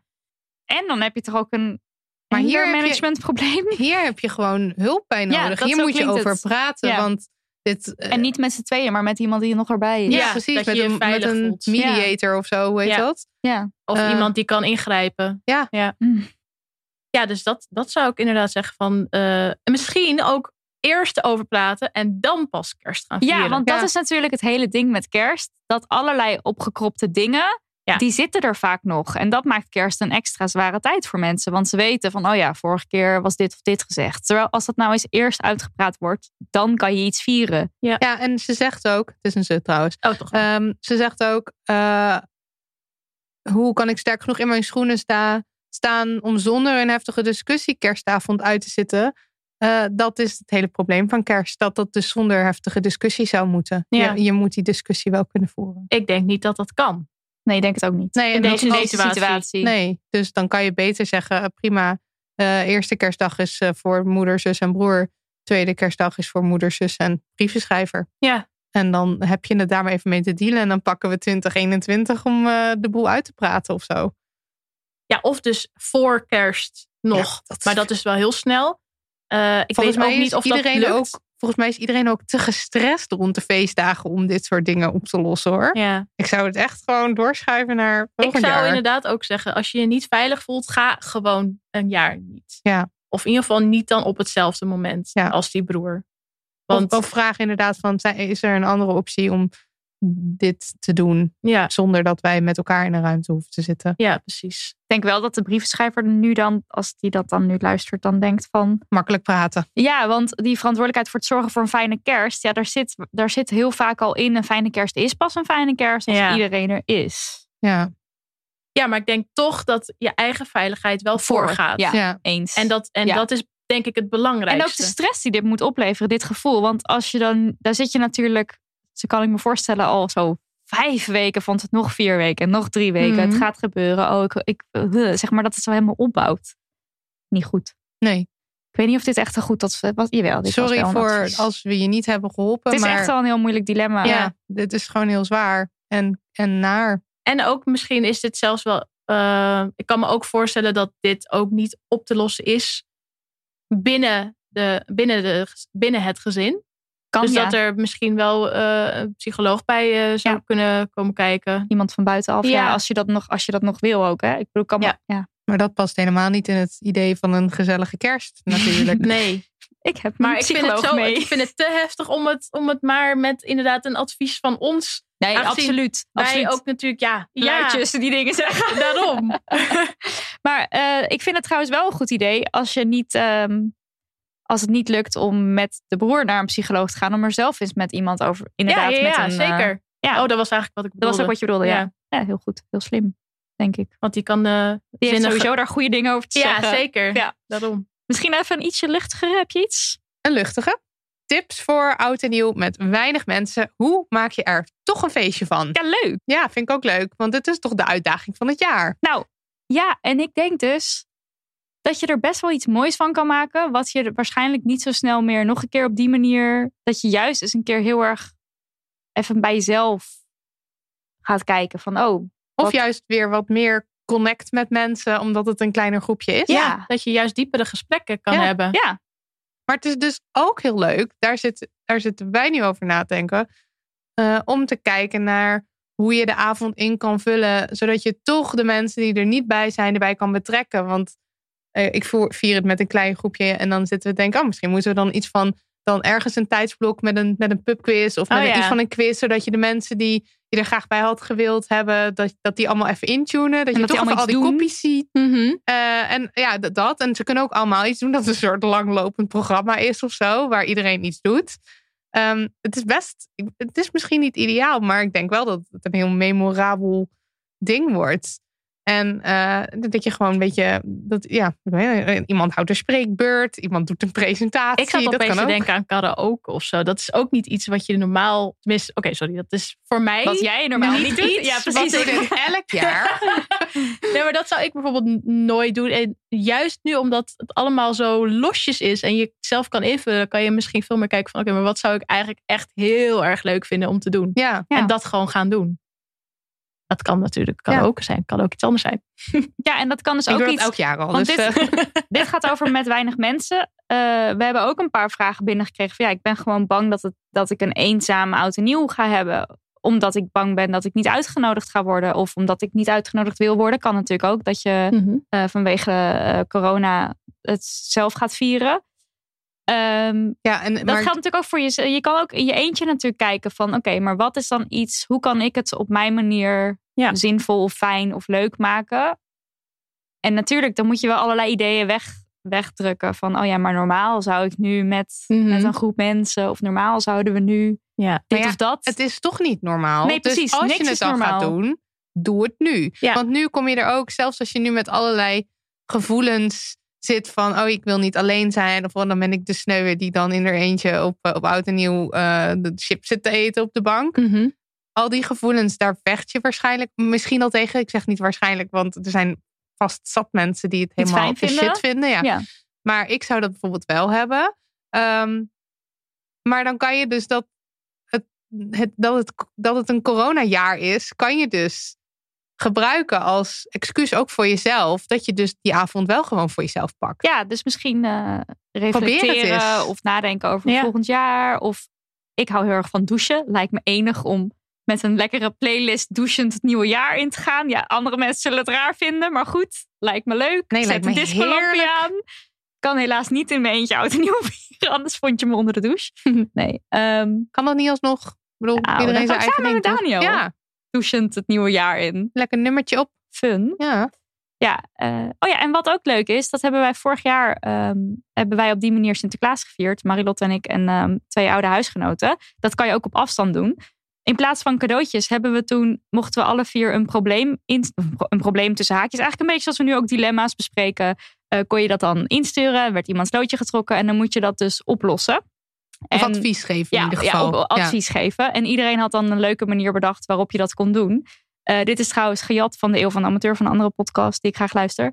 Ehm, maar dat, dat levert een soort van intieme sfeer op. Wel ook persoonlijk en, en connecting. En dat kan je ook heel goed op afstand doen. Ja, en dat hoef je natuurlijk niet om niet zo 12 dat uur precies 's nachts te doen. Nee. Eh, dat kan je ook eerder de avond doen. Of je kan het ook met kerst doen. En zo kan je toch echt wel op een mooie manier samenkomen. Want gewoon die Zoom-camera aanzetten. Ja, dat werkt natuurlijk niet. Want Nee. dan ga je een beetje zo naar elkaar zitten kijken. En wie gaat En dan er maar eerst hopen zeggen? dat er, ja. Ja, dus dat is ook een... eh, Ja, want dat is, Leuk dat is iets wat echt je het nadeel doen. natuurlijk van Zoom. Is dat je niet meer een één intiem gesprek met iemand kan hebben als je in een groep. Ja, behalve in die breakout rooms. Maar hè. Alleen Breakout rooms. die dilemma's die we vorig jaar deden. Dat was natuurlijk wel heel erg echt voor iemand. Dus je las het voor voor iemand. En voor iedereen En was het leuk om te werkte gewoon. kijken. Ja, want Ja, het was heel leuk te om luisteren. te weten welk advies er werd gegeven. Ja. ja dat was echt leuk. Ja. kan ik ook erg aanraden. Ehm, en ik heb voor, eh, we hebben een Slack waar mensen mee kunnen praten over all things Damn Honey eh, feminisme. Daar heb ik een channel aangemaakt, Feestdagen Fun. En dat heb ik gedaan met het idee dat mensen daar dus naartoe kunnen als ze nou ja, iets van struggles voelen rondom de feestdagen. Of het gewoon leuk vinden om het er met mensen over te hebben. Of om ideeën te delen eh, die je zou kunnen doen. En ik heb daar maar gewoon als eerste mijn eigen pubquiz ingegooid die ik voor mijn verjaardag heb gemaakt. Want in november heb ik dus met, eh, op Zoom mijn verjaardag gevierd. Mm. Dus mensen gebruik die Zoom quiz. Je kan niet alles gebruiken, want sommige vragen gaan ook Nou, echt over en- mij. En die, Maar hij is echt leuk. quiz staat, zit echt goed in elkaar. Ja, dus ja, het is die- leuk. En dan heb je het gewoon. En dan speel je dat met vrienden. En dan ben je toch ook samen eventjes. En ik hoop dat andere mensen ook ideeën erin gooien. En misschien ontstaat er wel een groepje van een paar mensen die denken... nou, met kerst gaan wij samen... komen we even samen online. Kan natuurlijk allemaal. Ja, dan eh, heffen we het glas of zo. En dan vind Ja. je weer mensen. Want uiteindelijk is het toch de bedoeling dat je met gelijkgestemden het nieuwe jaar inluidt. Of met kerst of zo. Dat zou heel erg leuk zijn. Dus Ja. vind, vind ze op de Slack. Dat kan. En je kan in de Slack komen door een mailtje te sturen naar info.damhoney.nl. En dan krijg je een auto-reply. Ja. Voor de mensen die er nog niet in zitten. Tijd voor een Nee, wacht. Ik heb nog één Oh, vraag. Want ik ben wel benieuwd hoe jij dan... Of jij al oud en nieuw plannen hebt. Bette. Nee. Hoe je dat gaat invullen. En is het iets waar je je druk over maakt? Eh, ik heb nog geen plannen en ik maak me er eigenlijk ook niet druk over. Ik vind zelf oud en nieuw niet heel boeiend. Mhm. Zou, jij het Eh, alleen, zou je het alleen vieren? Zou je dat een probleem vinden of niet? Ik zou het geen probleem vinden. Nee, dus, dus al op de dag dat je op 31 december denk je, oh, ik heb geen plannen. Ah, dan doe ik het toch gewoon. Nou, bijvoorbeeld Koningsdag en zo, dat, al die dagen, daar heb ik niks mee. Dus heel vaak doe ik al niks, omdat mensen dan dingen gaan doen waar ik zelf geen zin in heb. Nou ja. Dan blijf ik liever gewoon chill in mijn eentje zitten. Ja. Ehm, maar ik heb nu, ik woon nu samen, dus ik zal waarschijnlijk met mijn vriend eh, iets Oh gaan ja, doen. met ja, nee, dat maakt Eh, echt. Douchen. ja, al, is het maar, douchen. al is het maar inderdaad. Ja, ik, weet, ik heb echt geen idee. Ja. Eh, al, misschien gaan we wel schaken. Ja. Superleuk. Ja. Wat ook echt heel leuk is, is om eh, een lijst te maken van dingen die je zou willen doen in 2021. Dat zijn ook echt van die. Dit doe ik elk jaar. Ja. En dan doe ik dus in 2019 had ik 19 dingen voor 2019. Ah. 2020, 20 dingen voor 20. Ik denk dat ik niks van de 2020-lijst Nee. Nee, dat, heb nee. kunnen doen. Dat is Nee. wel grappig om daar even naar te kijken. En ik doe altijd eentje voor mezelf en eentje samen met Maar jij Daniel. had toch ook eentje was zoveel mogelijk friet eten of zo? Ik bedoel, of was heb dat niet een- dat? ik, ik heb dit jaar op. oh, dit is wel gênant. Ik heb op mijn telefoon dit jaar elke keer bijgehouden dat ik friet eet. Mm. En hoeveel seks ik heb. En hoe vaak ik naar de sauna ben geweest. Ja, ook nul dus. Nee, Nou, sauna één keer. ja, twee keer of zo. Ja. Oesters eten stond er ook op.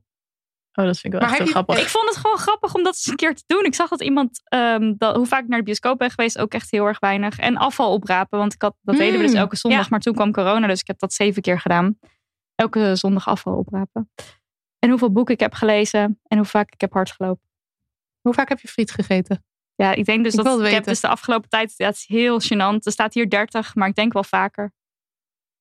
Dat valt toch best wel mee in een Ja, ik jaar. vind Nou 30 ja, ik denk dat het dus, ik heb dus de laatste paar weken ben ik vergeten dat ik dit aan het doen Oh, was. Nou, oké. Oké, je hebt het gewoon niet ingevuld. Nee, want- de laatste paar weken Ik ben niet. echt way over de 30 heen hoor. Dat Elke is, week eh, patat wel misschien dan dus. Want als ik, Maar een heel jaar. het is wel een heel jaar, ja. Ja, maar heb je echt elke week patat gegeten?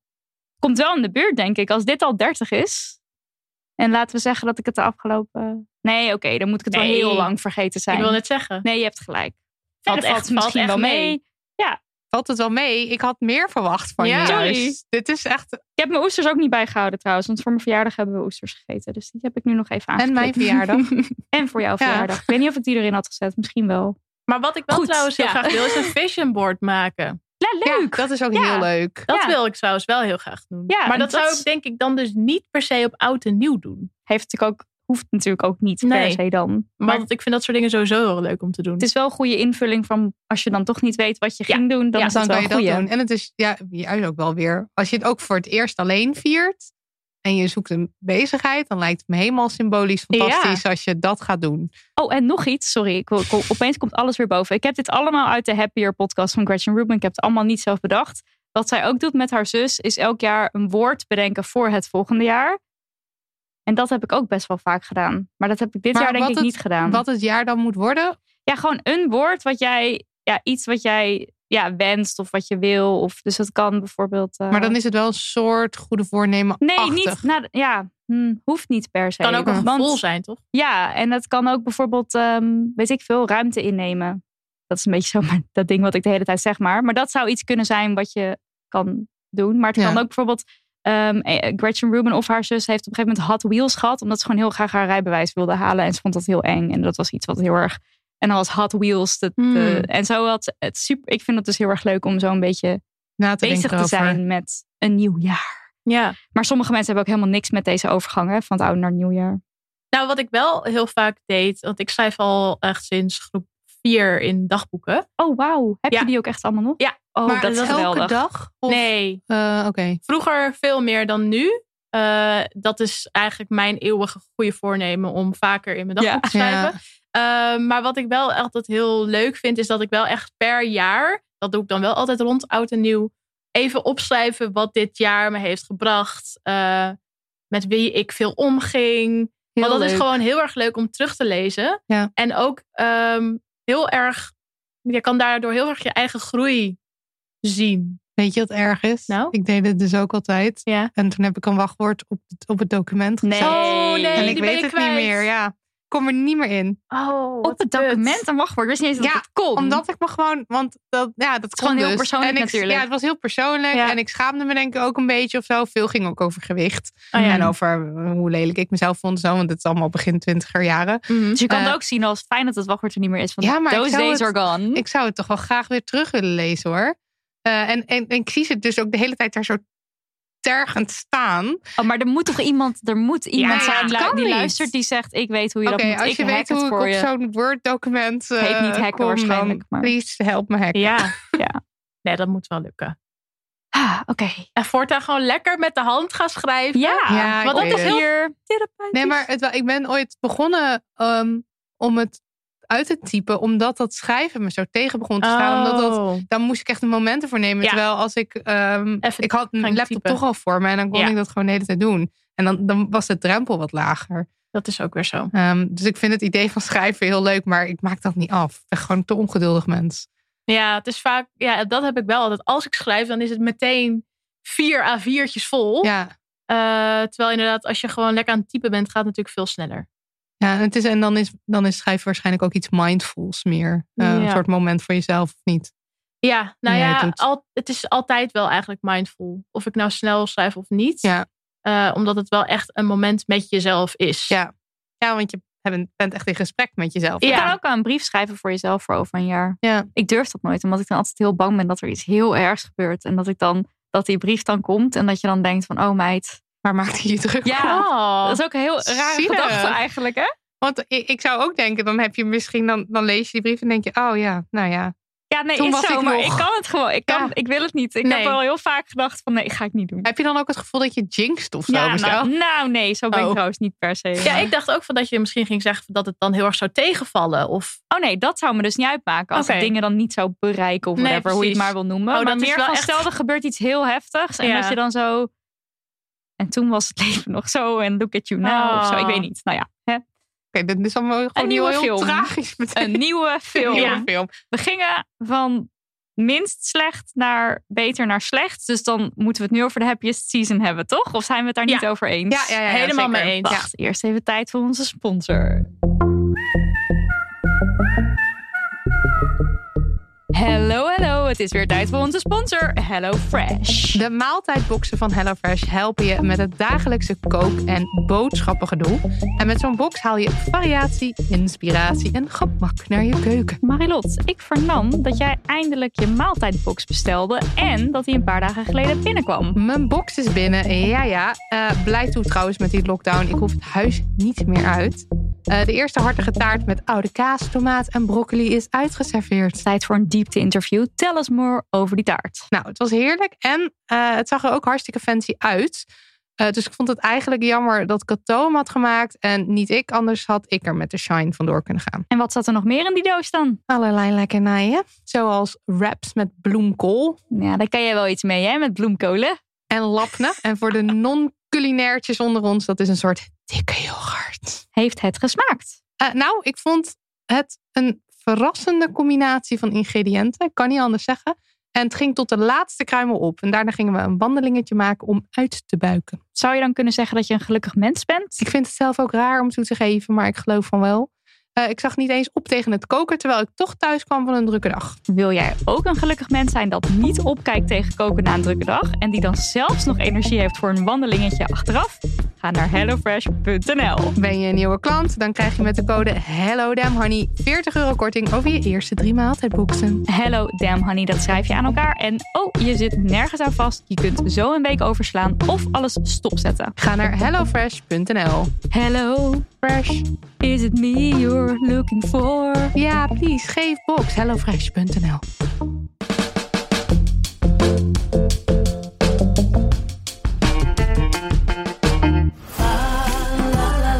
I'm so excited. I can't believe I'm finally going to meet everyone. There's something that we should talk about. Hi. I didn't tell my parents. I'm gay. So who do they think I am? This is Harper's orphan friend, Abby. Yes, of course. They're there. You're so brave. Oh, you don't need to be. Wil iemand anders uitleggen waar de film over gaat? Zal ik het maar proberen ja, dan? Doe maar een gooi. Oh god, ik heb wel, ik heb hier het slechtst aantekeningen van gemaakt. Wacht even, oké. We hebben de happiest season. uh, het gaat om uh, een stel. Um, we hebben Sloan. Nee, dat is niet waar. We hebben Harper en we hebben Abby. Abby. Abby. Ja, grapje. Iedereen heet. Nee, maar dat komt zo meteen. We hebben Harper ja. en Abby en die zijn hartstikke verliefd op elkaar. En, je, en de openingsscène is ook dat ze een een of andere romantische wandeling in de sneeuw maken. Waarin Harper uh, de liefde verklaart aan Abby en vraagt... Ga je met me mee kerst vieren bij mijn familie? Want uh, Abby's ouders die leven niet meer. Zij viert kerst eigenlijk niet. En uh, Harper wil haar heel graag een, een mooie, warme kerst geven zoals zij dat dan vieren. En dan zegt uh, Abby zo van, nou ja, oké okay dan. En dan zitten ze in de auto daar naartoe.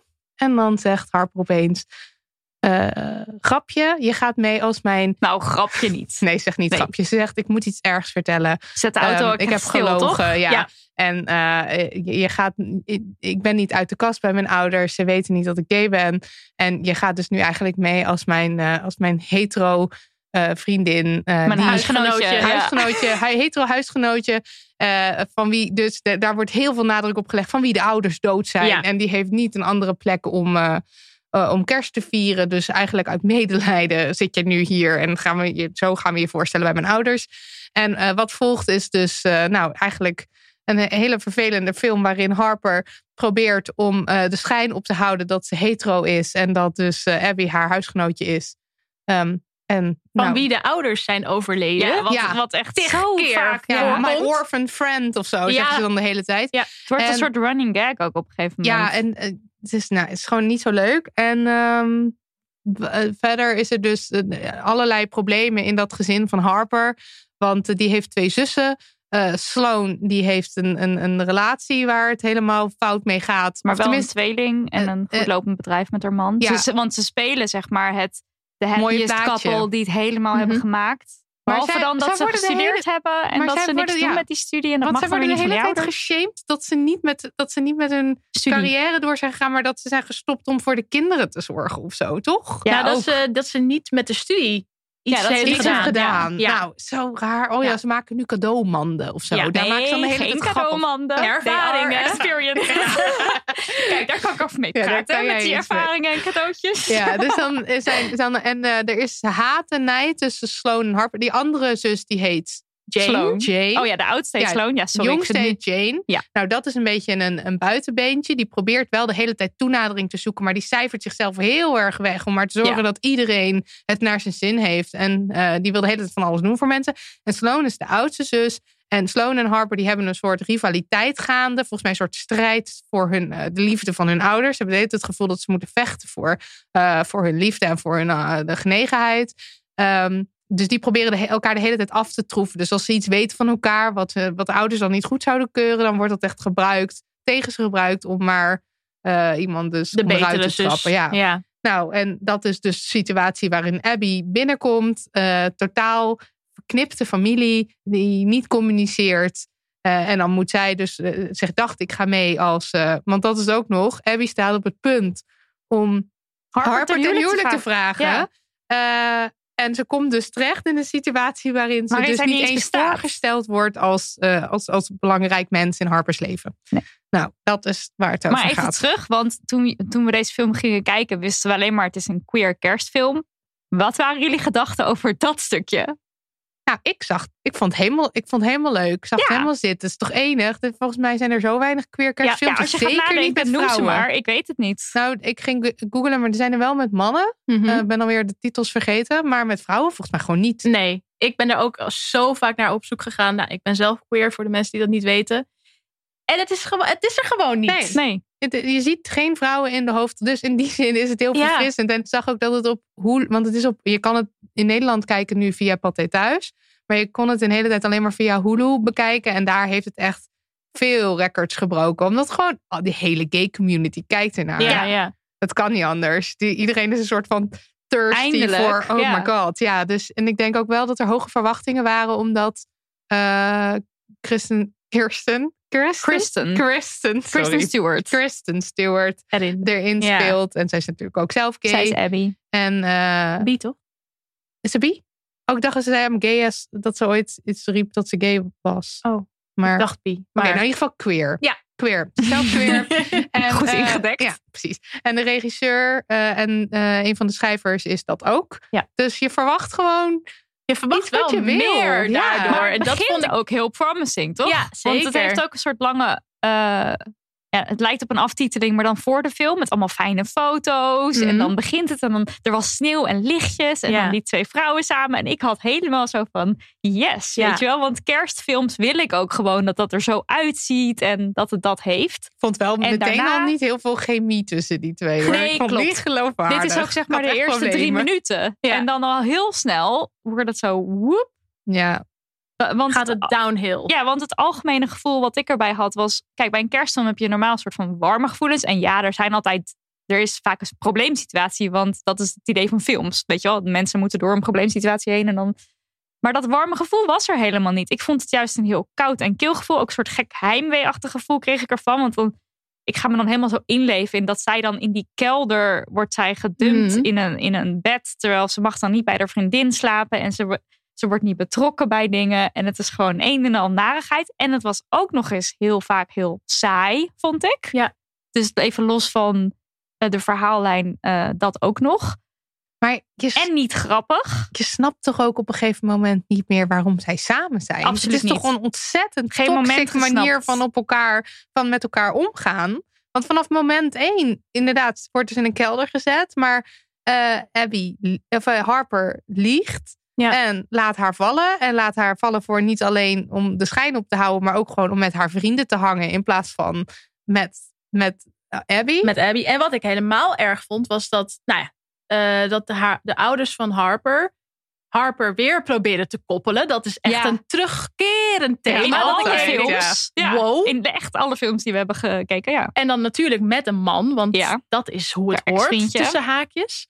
Maar dat zij daar ook wel een flirterig in meegaat. Dat Ja. vond ik zo bizar. Dat ik denk, nou ja, oké, je hoeft. Ik snap dat je de schijn wil ophouden, maar dan hoef je nog niet ten eerste die jongen het gevoel te geven dat je het wil. En ten tweede staat jouw vriendin hier letterlijk bij. Ik snapte dit vond ook dat echt heel niet. raar. bizar. En ik denk dat het op een bepaalde manier dus ook grappig bedoeld is dat ehm, Abby de hele tijd in situaties zit waar ze dan dus weer alleen wordt gelaten of zo. Maar het is gewoon heel zielig. Ja, echt. echt. Het is veel te. Eigenlijk is de, de, de sfeer is veel te ernstig of veel te triest om. Om er grappige, Om- zogenaamd ja. grappige film Ja. omheen te schrijven. Ik vond het echt het tegenovergestelde van een leuke kerstfilm. Ja. Ja, ik had echt een naar gevoel bij Ja. de hele tijd. Er was wel één ding, om het nog even leuk te maken. Er was Ja. één Ja. ding Ja, wat oké, oké, echt geweldig was.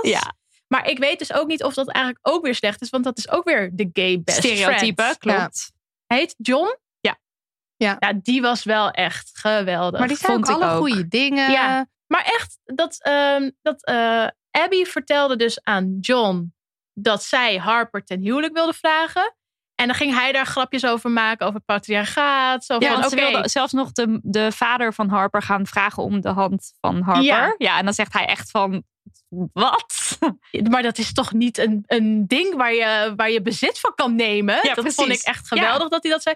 Maar dat was ook aan het begin van de film. Dus toen had ik nog echt wel hoop. Same. Oh my god, ja, echt. Ik Zo van, dus- oké, dit ja. wordt wat. Ze Ja, zijn deze schrijvers die weten inderdaad wat, er, wat er gaande is in de wereld. Maar sowieso ook zo wit weer deze film. Ja, ja. Ja, want de enige mensen van kleur die er zijn, dat is dus de man van Sloan, Sloan. en de kinderen van Sloan. En die bestaan alleen maar naar de gratie van Sloan en zo, maar om de verhaallijn van Sloan dus. Ja. Eh, dat, zij zijn de verhaallijn van Sloan, dat is het. En- Daarvoor bestaan ze. Wat ik ook nog jammer vond, was dat, de, dat die mensen van kleur zijn ook echt niet leuk. Nee, klopt. Nee, maar ook alle, alle, ze zijn allemaal niet leuk. Het is allemaal leeg. oké.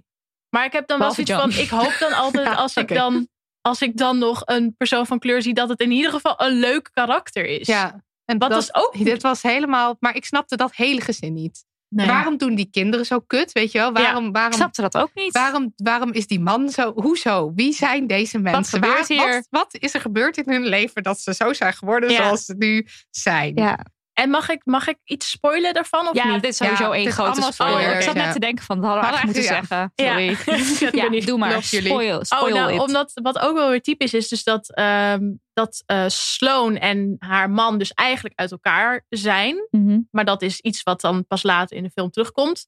En dat je dan op, een, eh, op het belangrijkste feest van de film zie je dan die ehm, man van Sloan zie je zoenen met een andere vrouw. En dat vind ik ook zelf heel naar, omdat mannen van kleur en vooral zwarte mannen sowieso al Ja. vaak worden neergezet als Ja. cheating Mhm. en gewoon die kun je niet vertrouwen. En dan dat is dus een beetje wat ik net bedoelde van ja dat het dan ook nog is als zijn het eindelijk mensen van kleur en dan is het weer dat beeld. Ja. Dat wilde ik ook nog even meegeven dat ik dat ook heel jammer vond. Over, over terugkerend beeld gesproken. eh, dit had ik dus ook heel erg met de verhaallijn tussen Eh, Harper en waarom kan ik die namen niet onthouden? Eh, Harper en Abby. Want eh, hoezo moet het nou weer geproblematiseerd worden? Dat hele uit de kast komen. Zeg maar Ja. het hele queer zijn. Dat dus het, het hetero zijn als het perfecte plaatje wordt gezien. En dat dat dan dat queer zijn daar dus niet, niet in past. En dat dat zo moeilijk is. Het is gewoon weer Dat een dat de verhaallijn is. ja, ja. Dat het, en ik snap het, want ik weet ook wel, ik heb ergens gelezen dat het gebaseerd is op, ehm, eh, op, op, op gewoon de levens ook van, van Kristen Stewart en, en, eh, en, die, en de schrijver Mhm. zelf. Ehm, en dat, dat geloof ik ook wel. Maar volgens dit is gewoon niet wat. We hebben niet nog meer Nee, films nodig die gaan, gaan problematiseren. Dat je, dat, dat je. En er is een hele mooie speech wel van, eh, van John. Die dan zo zegt van iedereen heeft zijn eigen verhaal. En iedereen heeft zijn eigen moment om ook uit de kast te komen. En ik weet ook wel dat dat zo is. Ja. Maar geef de mensen films waarin het geen probleem is dat mensen gay zijn. Maar gewoon, het is gewoon zo. Ja, al Want anders helemaal. normaliseren we het nooit. Ja, maar al helemaal omdat het dus een van de weinige queer films is waar het uitgesproken queer is. Dus niet dat Mhm. mensen achteraf kunnen denken van nou, die zouden nog wel eens queer kunnen zijn. Maar we weten gewoon echt van oké, dit zijn twee gay vrouwen. Er zijn zo weinig van dat soort films, kerstfilms. Maak er dan gewoon een positieve, fijne Ja. kerstfilm van. Ja. Wat is het probleem? Hoe moeilijk En is daarom het? vond ik het helemaal raar. Want ik had dus niet verwacht dat een van de makers dan zelf queer zou zijn. Ik Ja. dacht, nou, dat- dit is Het zal wel door zo... hetero's geschreven Ja. zijn. Ja. Ja, ik had het ook een Ik vond beetje. dat echt heel jammer. Ik had ook nog als aantekening: hetero's zijn zo vervelend. Want die vriendengroep van haar, die zijn Oh ja. zo irritant. Helemaal niet leuk. Nee.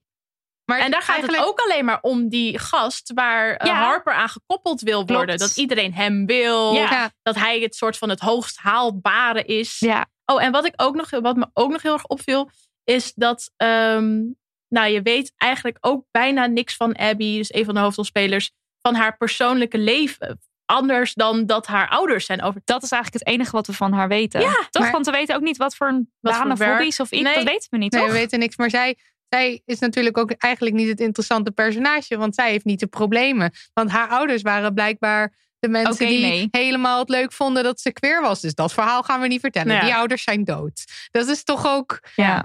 Heel raar. En eh, eigenlijk is het gewoon weer een film voor de hetero's. Ik bedoel, het is leuk dat, dat queer mensen zichzelf nu kunnen herkennen, misschien in personages. Maar uiteindelijk is het nog steeds een soort film van: kijk, oh, wat moeten we door moeilijke dingen heen voordat we eenmaal onszelf accepteren Ja, maar in deze plus die wereld. moeilijke dingen dus ook nog eens gebruiken als grappig. Ja. Want op het moment dat Abby dan, dan wil ze zo sluipen naar de kamer van Harper. En dan hoor je ook echt zo'n muziekje erachter van tu, tu, tu, tu, tu, van gaat het wel of niet lukken? Wordt Ja. ze ontdekt? Dat is, huh? Ja. Vond ik heel raar. Eh, en dat ze dus uiteindelijk met Harper eindigt. We zijn toch al eh, spoilers Spoiler, aan het ja. geven. Ongeloofwaardig. Hoezo? Huh? Meid. Ook want dat hele ding over dat ze haar ouders verloren heeft. Er zit één scène in waarin het er wel serieus over mag gaan. Dan heeft ze het dus met John over dat ze haar ouders verloren heeft. En dat kerst vroeger voor haar een bepaalde betekenis had. En dat vond ik een mooie scène. En toen dacht ik wel van, huh, heel raar dat ze dit gesprek niet met Harper heeft. Klopt. Sowieso heeft ze helemaal niet alles wat ze met John heeft. Dus het liefdevolle gedeelte Mhm. waarvan je snapt waarom ze het leuk hebben samen. Dat heeft ze gewoon totaal niet met Harper. Nee, en wel met, ehm met hadden we nou over Ryan Nee, hebben we nog niet gehad. Er is dus ook nog een, een andere Een hot- queer meid, meid In town. Oh, ja, ja. En zij heet Riley en zij is dus helemaal leuk. En eh, zij is ook op de hart getrapt door Harper, omdat die niet uit de kast wilde komen toen zij een relatie hadden vroeger op de middelbare school, geloof ik. Ja. En zij, eh, zij en Abby klikken meteen. En ik, daar voelde ik wel van alles. Ja. Van, oh, deze meiden die gaan lekker met z'n tweeën. Ik Dus dacht dat ze gaan ja, eindigen, ja. toch? Ja. ik dacht het ook. En ik vond het echt een teleurstelling. Dat, ik bedoel, ik, ik- ergens vind ik het altijd jammer als het dan weer eindigt met dat ze dan relaties krijgen. Want het geeft mensen ook gewoon even een andere verhaallijn. En, Ja, en ja, nou, dat is nog vrijheid. Ja, dat is nog de volgende. eh, ja. Maar ehm, als ze dan met iemand moet eindigen, doe dan ook wel gewoon een leuk iemand. En, en niet, eh, niet zo'n eh kutpersonage. Nee, dat was echt. eh, ik vond gewoon de hele film heel teleurstellend. En Maar juist denk ik omdat je dan zo erg hoopt van, oh, oké, er is nu eindelijk iets en dan valt het toch weer tegen. Maar is dat niet, want ik zat dus een beetje te. Ik heb in de aflevering over duurzaamheid heb ik het wel eens gehad van over merken die het dan goed proberen te doen. En dat je dan hele Extra tijd kritisch extra bent. kritisch bent, omdat je gaat zoeken naar de dingen die ze dan fout doen. Maar Is dat heb dan ik- hier ik heb- ook? Nee, we zijn voorbij dat. Ja, Toch? we zijn Dit is natuurlijk ook gewoon- de hetero-films zijn we ook aan het afzeiken. Dus dan mag dit ook. Dit was wel echt zo slecht. Ja. Dat. Hier kan je bijna niks goeds over zeggen. Het is ook Behalve dat het er John. is. Ja.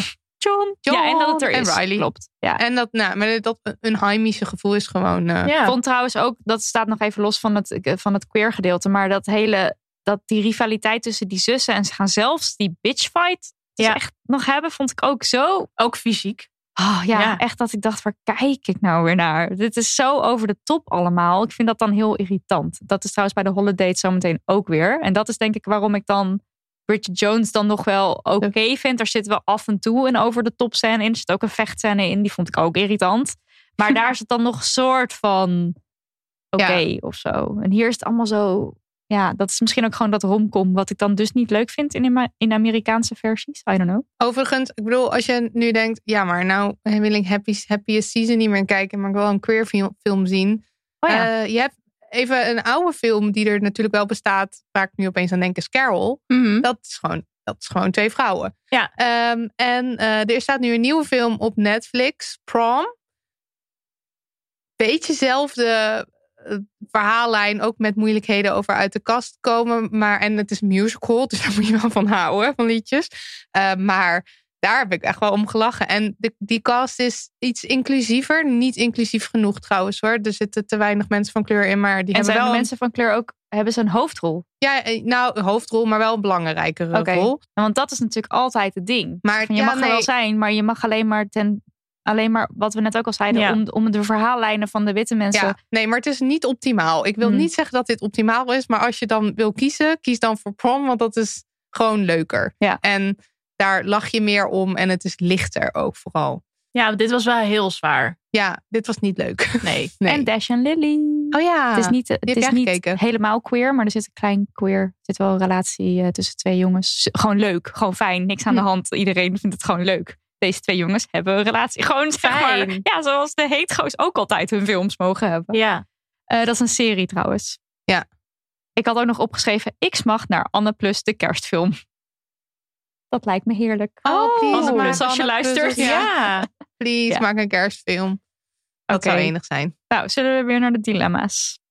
Ik wil eventjes nog terugkomen toch op prom. Want nu ik erover Oh, nadenk, ja? eigenlijk is het helemaal niet zo inclusief. Of Oh. tenminste, er zit een eh, vrouw van kleur in die dan toch weer als een soort bitch wordt afgeschilderd. Wat Hmm. natuurlijk ook gewoon iets is wat de hele tijd terugkomt. Zo'n Angry Black angry black woman. Woman. Ja. Dit, zij is wel de vervelende. En dan heeft ze. Haar dochter is dan een van de personages waar het om gaat. Nee, ik ben eigenlijk niet. Nee, nee. Eigenlijk moest er even over nadenken. Maar ik vond het nog steeds een leukere film dan Happy Season. Ja. Hoor. Maar de, qua diversiteit kan het beter. Veel beter. Dat wil ik nog even gezegd hebben voordat... eh, Voordat we doorgaan. Oké, Ja. mag iemand anders nu een keer de eerste zeggen? Ik wil op zich wel. Doe het. Go. Even kijken. Ja, want om nog even in de sfeer te blijven. Oh, wacht. Oh, ja, ik denk dat ik weet welke je gaat zeggen. Ja, ik wil, in vo- eh, Ja. ik wil volledig in pak gaan met stropdas tijdens kerst. Maar mijn vader zal me dan te gay vinden. Doe het. Ja, Ja, hè? ja, i- ja ik denk wat, dat diegene moet bedenken van oké, wat vind ik belangrijker? Dat jij je kan uiten zoals jij het fijn vindt om je te uiten. Of dat, eh, ja, Ja, wil je Bridget Jones zijn? Die Ja. altijd maar bezig is met de buitenwereld en anderen? Of niet? ja, ik denk, doe lekker dat pak aan, dan wennen ze er maar aan. Het lastige hier Maar vind ik gewoon dat je geen context hebt van hoe de familie in elkaar Nee. zit natuurlijk. Want eh, je, je- kan alleen maar een beetje afgaan op de dingen die je kent. En ik zou bijvoorbeeld wel het leuk vinden om een beetje, nou ja, ik, zou, ja, ik noem het provoceren, maar dat is dan om gewoon een beetje te prikken of zo. Ja. Dus ik zou denken, doe het. Want Ja. Maar deze persoon wil het ook duidelijk. Want anders heb je dat niet van tevoren al bedacht. Mhm. dit, is, dit is duidelijk iets wat, en je vindt het gewoon wat een wens is. Ja. Dat je iets gaat doorbreken. Ja. Maar misschien is het dan een goed idee, één, om het te doen. Twee, om alvast na te denken over, oké, mijn vader gaat opmerkingen maken. Wat zou die kunnen gaan zeggen? Hij Mhm. gaat zeggen, nou, zo zie je er wel heel erg gay uit, of whatever. Dat je dus nadenkt van tevoren. Misschien even met wat vrienden erover hebt. Zodat je een weerwoord kan hebben. En dan heb je natuurlijk altijd de, de gouden opmerking van Lise Korpershoek. Als iemand iets tegen jou zegt over bijvoorbeeld je kleding. Dat je zegt, is moeilijk voor je, hè? En klaar. Dan kan je dat gewoon zeggen tegen die vader. Is moeilijk voor je, hè? Ja. Of En is- gewoon zeggen, ja, dat klopt. Ja, dat Ja. is. Nou, Ja, dat ik ben, ook nog. Ik ben, of maar ja, misschien, je weet ook niet of diegene al uit de kast is. Nou, waarschijnlijk wel. Ja, Oh, ik denk ja. het wel, want anders zegt een vader toch niet zo snel, nu zie je er te gay uit. Ja, dat weten we niet. Dat is Ja. het, dat is het ja, dat irritante is- van een vragenbox. Ja. Heel weinig karakters. Ja. Ja. Maar ja, je bent dan Of gewoon blijkbaar oké, dus Ja, of gewoon zeggen van, kan. ja, ik voel me daar fijn bij. Dit is mijn stijl, dit vind ik mooi, dit is wat ik wil. En dit geldt trouwens voor ook hier, dit soort gelijke vragen hebben we ook weer heel veel binnengekregen. Hè? Van ik wil eigenlijk gewoon mijn kersttrui aan en niet een jurkje. Mijn, Mhm. mijn moeder wil. Het maar geldt voor al deze ook in de dingen. categorie chips eten en op de bank zitten. eh, Doe waar je zelf doe zin waar in je hebt. zin in hebt. Ja. En, ik, en het is natuurlijk heel moeilijk om, om, om voor jezelf te kiezen als er zoveel verwachtingen zijn. Mhm. Maar je mag die ruimte. Misschien, niet, misschien hoef je niet meteen al die dagen te nemen om het helemaal zelf in te vullen. Maar je kan in ieder geval een deel van de dagen kiezen. Even kijken hoor. Ik love de feestdagen. Mijn vriend zit het liefst onder een steen van 23 december tot 2 januari. How to compromise. Vind dit heel leuk. Doe allemaal je eigen ding. Ja, Eh, sleep een kerstboom naar binnen en doe dat dan lekker allemaal zelf. En hij vindt het vast wel leuk om eventjes te helpen met een bal hier en daar. En eh, dan doe je gewoon die kerstlichtjes aan en dan heb je wel de kerstsfeer. En wat maakt het uit? Je kan toch altijd kerst binnenbrengen? Of zou die Ja. ook echt het haten? Ik vraag me ook af. Ja, dat is, wel, dat is dus het ding. Van waar zit de haat in? Zit de haat in de verplichte bijeenkomsten? En Dat het denk verplicht ik. gezellig zijn? Of Ja. waar zit het hem in? Want je kan je feestdagen, hoop ik, deels wel echt inrichten zoals jij het leuk en fijn vindt. Ja, maar heel, Dus- ik denk, er zijn toch heel veel mensen die, die ervaren het gewoon niet zo. Ja, dat vind ik zo jammer. Ja, dat is ook jammer. Maar ja, er staat, er staat natuurlijk, hij zit het liefst onder een steen. Dus Ja. ik denk dat het dan voornamelijk gaat dat hij dan niet ergens naartoe wil. Ja, dus niet al die dingen van buiten. Terwijl zij Ja. dan waarschijnlijk dat, al die- dat juist heel leuk vindt. Ja. Met familie dit of dat. Of... Maar dan denk ik, hij hoeft niet overal mee. Nee, dat sowieso niet. Ehm, en dat is natuurlijk ook weer een bepaald gedachte Waar is je van... vriend? Ja, Ja, dan is hij niet mee. precies. Ja. Maar ja, als hij het gewoon oprecht niet leuk vindt en jij wel, ja. dan moet jij toch gewoon gaan? Ja, het, is zo, het, is, het is zo jammer dat we ons geluk of dat we dat in handen van iemand anders leggen. En ook dat mensen dat soms ook. Op zich nemen. Ja, of dat dus bijvoorbeeld andere mensen dat bij jou weer neerleggen. Dus ehm, een moeder die dan zegt: Ja, maar als jij er niet bent, dan is het geen echte kerst. Dan is het niet gezellig. Dan heb ik geen leuke kerst. Ja, dat is niet jouw verantwoordelijkheid om je moeders kerst een leuke kerst te maken. Het is niet dat je getekend hebt toen je geboren werd van: hm, Ik moet nu met kerst een zeven gangen diner doen. Want dat is nou eenmaal wat we hebben afgesproken. Alleen dat, is dus een, dat zijn dus denkbeelden en opvattingen die we wel moeten doorbreken. Want Ja. dit is ook eh, Ja, van, maar eh, sowieso- nou wat jammer dat je me geen kleinkinderen gunt Nou, of zo. Zijn net van die opmerkingen. Precies. Ouders Eh, hebben soms de neiging. Ja. We hebben daar ook een vraag over. Van mijn moeder die praat me de hele tijd een enorm schuldgevoel aan. Dat ik er te weinig ben. Dat ik niet genoeg aandacht geef.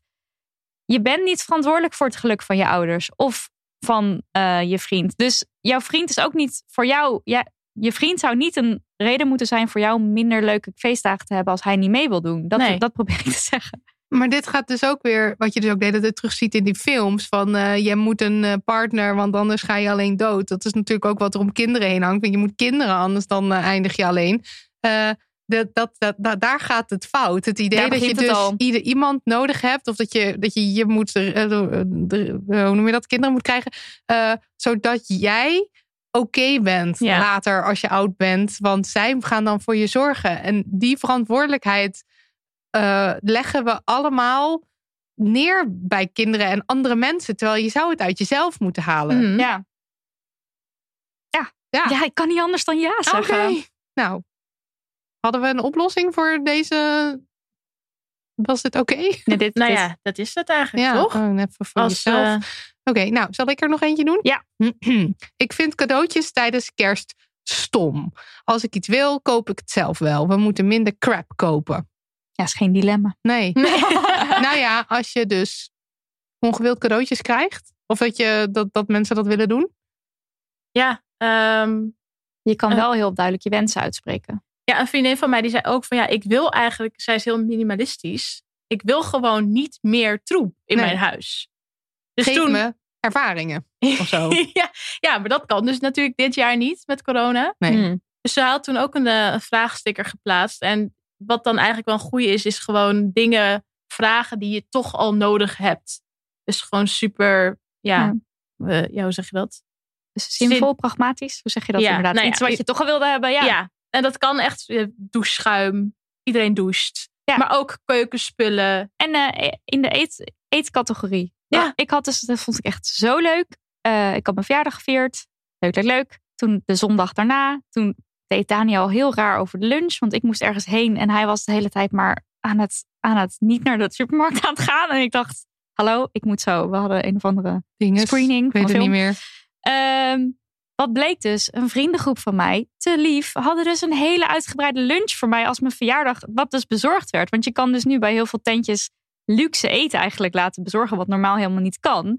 Dus zij hadden een super lieve eh, Italiaanse lunch voor mij eh, voor mijn verjaardag als cadeautje. Nou, dat is toch zo'n leuk cadeau. Dus dan was ik eigenlijk een soort binnen uit eten, gewoon samen met Daniel.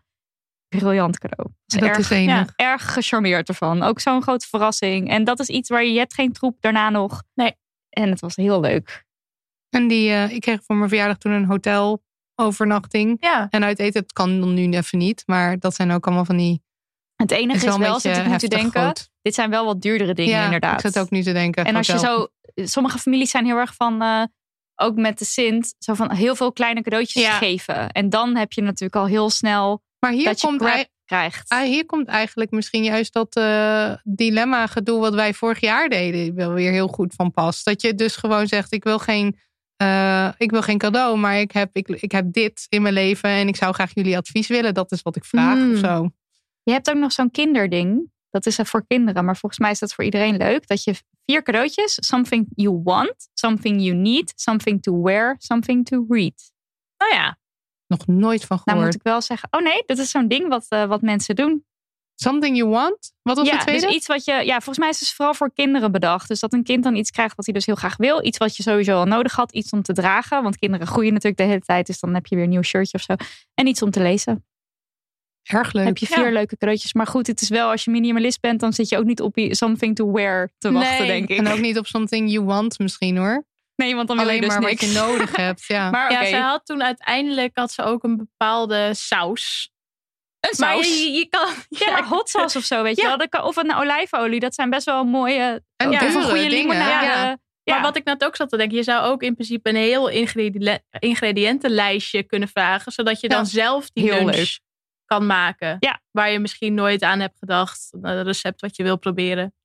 Dus eigenlijk het meer uitgesproken zijn in wat je dan wil. Als het dan toch moet, als er dan toch cadeaus komen kijken. Maar dat is, en daar, dat is ook iets. Mensen hebben het idee dat ze helemaal fantastisch uit zichzelf met, met cadeaus moeten komen. Dat het origineel moet zijn of zo.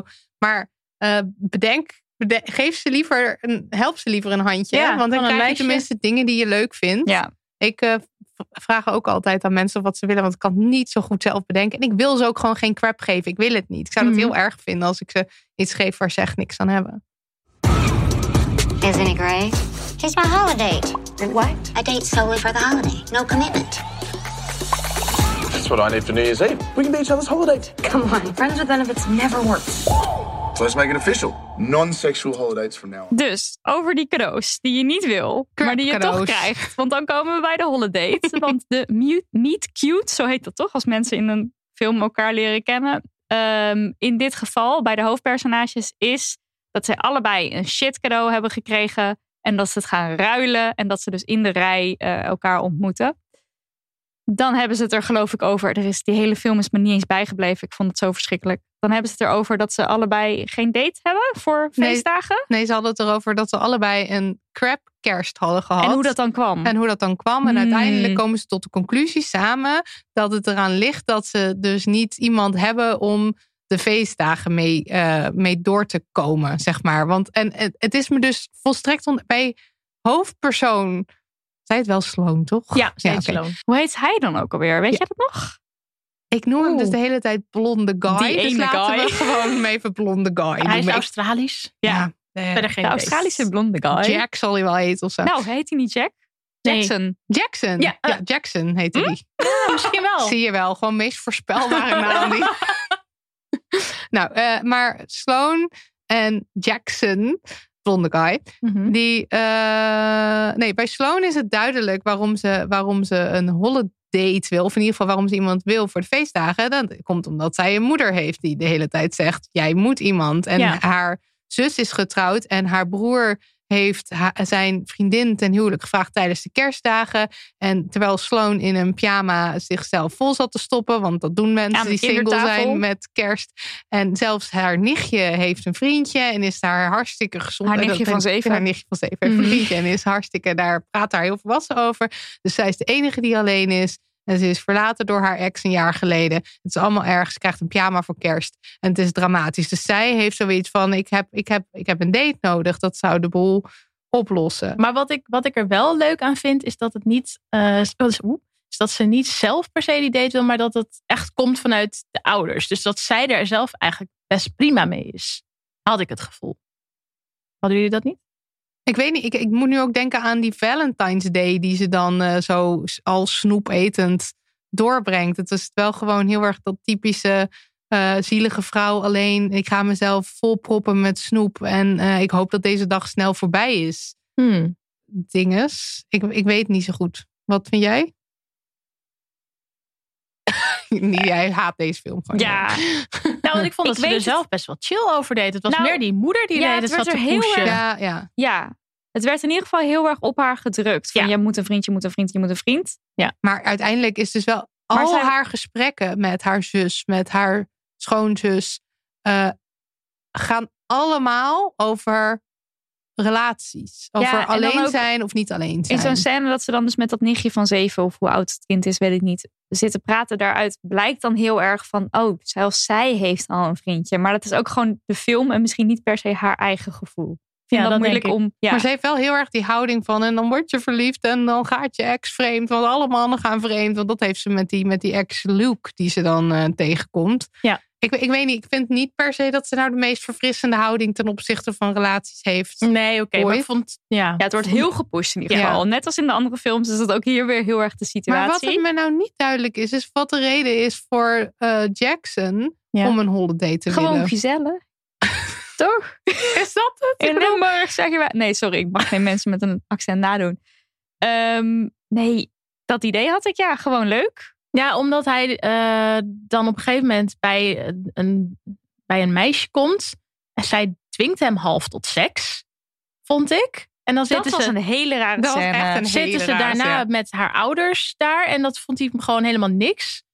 Dus hij had zoiets van: eh, ja, nee, volgens mij had hij zoiets van, nou, jij bent nog wel oké of zo. Dus dan liever Dan maar de hele iemand- tijd Ja. dezelfde met wie ik dan die dagen door kan brengen. Maar het is, het, het, het is heel erg alsof zeg maar, het risico op ehm, eh, in, in, in, met een zeg maar, soort ja, crazy chick te eindigen, Ja. is met de feestdagen zo groot dat ik een holiday moet om te voorkomen dat Ja. ik zomaar met iedereen naar bed ga. En voordat ik het weet, zit ik met twee schoon, intense schoonouders. Of tenminste, te- eh, zit, zit ik kerst te vieren bij iemand die ik nauwelijks ken. Of Ja, zo. en wordt er dan gedaan alsof ik echt de nieuwe, de nieuwe aanwinst van de familie ben. Want Ja, dat en was ik- zijn kerst inderdaad. En ik denk ook dat het komt omdat eh, bij eh, Sloan is het voor iedereen duidelijk dat het niks is. Dus bij Sloan's familie weet iedereen dat het maar een maar halve date is. Ik denk dat dat het voor hem het chillen maakt van oh, ik zit nergens aan vast. Ik vond dat zo raar. Ik vind dat ook zo raar. Wat, Dus- heeft het, wat haalt Sloan er dan uit? Ja, eh, zeg even. Stel, jouw familie zit de hele tijd te pushen dat jij een vriend moet. En daar gaat het de hele tijd over. En je gaat dan een, een soort connectie aan met een jongen die meegaat naar al die feestdagen. Dan doe je toch alsof dat je Ja. vriend, als je dan toch al die stap had genomen, dan doe je toch alsof het je vriend is. Want hij is er elke feestdag weer bij. Ik snap dan het, dat snap ik dan dus niet. Was Waarom je dan niet gewoon dat Nee, dan ook tijdens doet. Dat lijkt me dan het enige handige eraan. Tijdens Pasen, wat dan dus ook groots gevierd wordt. Of was het een ander diner? Ik weet het niet meer. Maar dan wordt ze dus, terwijl Jackson naast haar zit als de holiday, voorgesteld aan Farouk de dokter. Omdat die moeder weet dat, dat Jackson niet... Niet een serieuze haar- partner. Ja, Ja. Dus dat gezeik gaat gewoon door. Ja, het sloeg nergens op. En wat ja, precies. Ik, dus je bent er niet vanaf. Dus waarom doe je dit dan? Ja. Nou, en, en ik had ook nog iets, eh, dat hij heeft hier ook mee te maken. Op een gegeven moment gingen ze naar een feest. En toen zei, zei eh, Sloan van, oh, weg, echt fijn dat wij nu eigenlijk niks hebben. Want nu kan Ja. ik eindelijk deze sletterige jurk kra- eh, dragen. Omdat deze date toch niet serieus is. Toen dacht ik echt, hè? Ja. Hoe Oh. gaat jouw Zo brein? erg. Dus je kan alleen je, eh, wat is überhaupt sletterig, gedragen als de date niet serieus Gewoon een is. mooie jurk was het. Maar Ja. hij mocht ook opeens allemaal kutdingen tegen haar zeggen. Ik, ik, vind je niet aantrekkelijk. Of eh, weet ik veel. Gewoon een, een kutding over de Er seks. zit dus ook heel erg het idee in dat als je dus een serieuze relatie hebt, dat je dan dus de hele tijd een masker op hebt en niet Mhm. gewoon bent wie je wil zijn. Dat is eigenlijk wat ze hiermee Ja, zeggen. ja, het is heel raar. En, eh, en dan, en, en ik zit nu ook opeens te denken aan die. Al, het zit bomvol stereotypes. Ja. Die hele film. Ja. Je hebt het keurige Aziatische meisje. Mhm. Eh, wat heb je nog meer? Je hebt, je hebt de Indiase dokter. Die ook naïef is, toch? Ja, heel naïef. En Ja. die dus de hele tijd wordt gepusht om maar over de grenzen heen te gaan eigenlijk. Om wel even drugs te gebruiken en zo. Je hebt de Indiase dokter. Eh, je hebt de Aziatische, rijke Aziatische ouders die betalen voor de bruiloft van eh, de broer van Sloan en, en, en de vrouw. En ik, oh, ik had het even Ja, en je hebt de, tante, de tante van Sloan, dat is dan Oh een ja, wat ja. oudere vrouw. 60 of zo, denk ik. Ja. Nou ja, en die dan zogenaamd dan de sletterige tante is die elke, elke keer weer ergens een vent vandaan haalt. En je hebt de zwarte jongen die weer de player is. Ja. Ja, de player is en dus weer ehm, zo van, oh, hij gaat dan de wijsheid geven aan de witte mens. ja. Zo van, ja, ik weet niet, een soort van. van wat is het?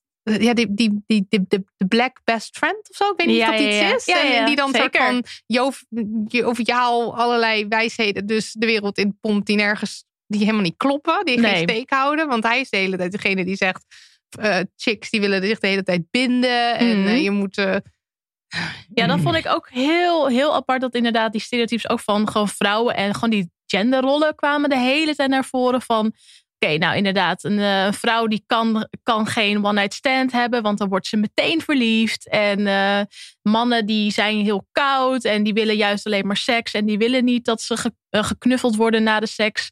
Dus wanneer ze dan, ja, dat is misschien een beetje te snel al. Maar dat wanneer ze dan dus wel seks hebben, dat, ehm, dat is wel een beetje aan het einde van de film. ja, dus Sloan en Jackson. Sloan en Ja. Jackson hebben uiteindelijk dan toch seks. En dan wil Sloan, die wil dus niet in het stereotype van een vrouw vallen. Dus die gaat expres dan heel afstandelijk doen. Omdat, Jackson, omdat ze bang is dat Jackson anders weggaat. En Jackson die is dan opeens helemaal verbaasd van... hé, hey, maar waarom reageert zij niet als dus de standaard vrouw? En dan is het opeens zijn de rollen omgedraaid. En dan wil Jackson wel helemaal... Dat vond ik ook heel raar. Ja. Dat snap Ja. ik ook niet. En dan is hij dus helemaal op zijn pik getrapt dat zij dus niet reageert zoals die verwacht dat zij Ja. reageert. Maar dan wordt hij dan heel. En het was eigenlijk ook gewoon heel erg Mark Darcy, die dus zeg maar eh, kut doet. Mhm. En dan opeens aan het eind zo'n zoiets zegt van ja, maar ik had You ook niet tegen. incredibly beautiful. Ja, ik had ook hij. niet tegen je kunnen zeggen dat je ogen, ik verdrink erin of zoiets. En ik had. En je- wacht, heel even voor mensen die het niet gezien hebben. Op het begin van de film geeft hij aan dat hij haar niet aantrekkelijk vindt. Ik weet niet meer precies wat zijn woorden zijn. Later in de film, dan doet hij dat dan dus wel. En blijkbaar is dat dan dus heel belangrijk voor haar ook om te horen. Ja. Dat ze dus aantrekkelijk is. Ik heb het- opgeschreven. eh, eh, dan moet hij weer you are incredibly beautiful zeggen voor ze hem echt kan toelaten of zo. Dat heb ik opgeschreven. Alsof dat het allerbelangrijkste zou zijn. Maar ik, wat ik ook helemaal niet begrijp, is dat ze dus een jaar lang met elkaar hebben gehangen. En hij had allemaal eh, eh, los- losse seksdates of zo. Hij heeft het over Tussendoor, eh, ja. eh, waiters die dan bij hem in de, of wat is het, eh, Bij hem in de warmvrouwen die hem auto. in- bij de auto. Ja. En hij had veel, eh, veel flinks en zo. En, ehm, maar dan heeft hij wel zo van, eh, ja, ik had het nooit tegen je kunnen zeggen, want je was nooit met me uitgegaan. En ik vind dat zo weird. Dat klopt zo niet in mijn hoofd dat je zo'n player hebt die super eh, zelf, zeg maar, die echt zelfvertrouwen heeft, die dus ook zo'n gesprek aangaat met iemand eh, in een winkelcentrum over een holiday en zo, maar dat je dan dus niet tegen iemand durft te zeggen dat, dat je iemand aantrekkelijk vindt. Het gaat er bij mij gewoon niet in. Die ja. man is, is, niet, is niet een kloppend mens. En weer gewoon, waarom vindt zij hem dan leuk? Ja. Totaal onduidelijk. Ja. Ook de karakters, geen idee. Nee. Wat drijft deze mensen? Wat doen deze mensen verder in hun leven? We don't know.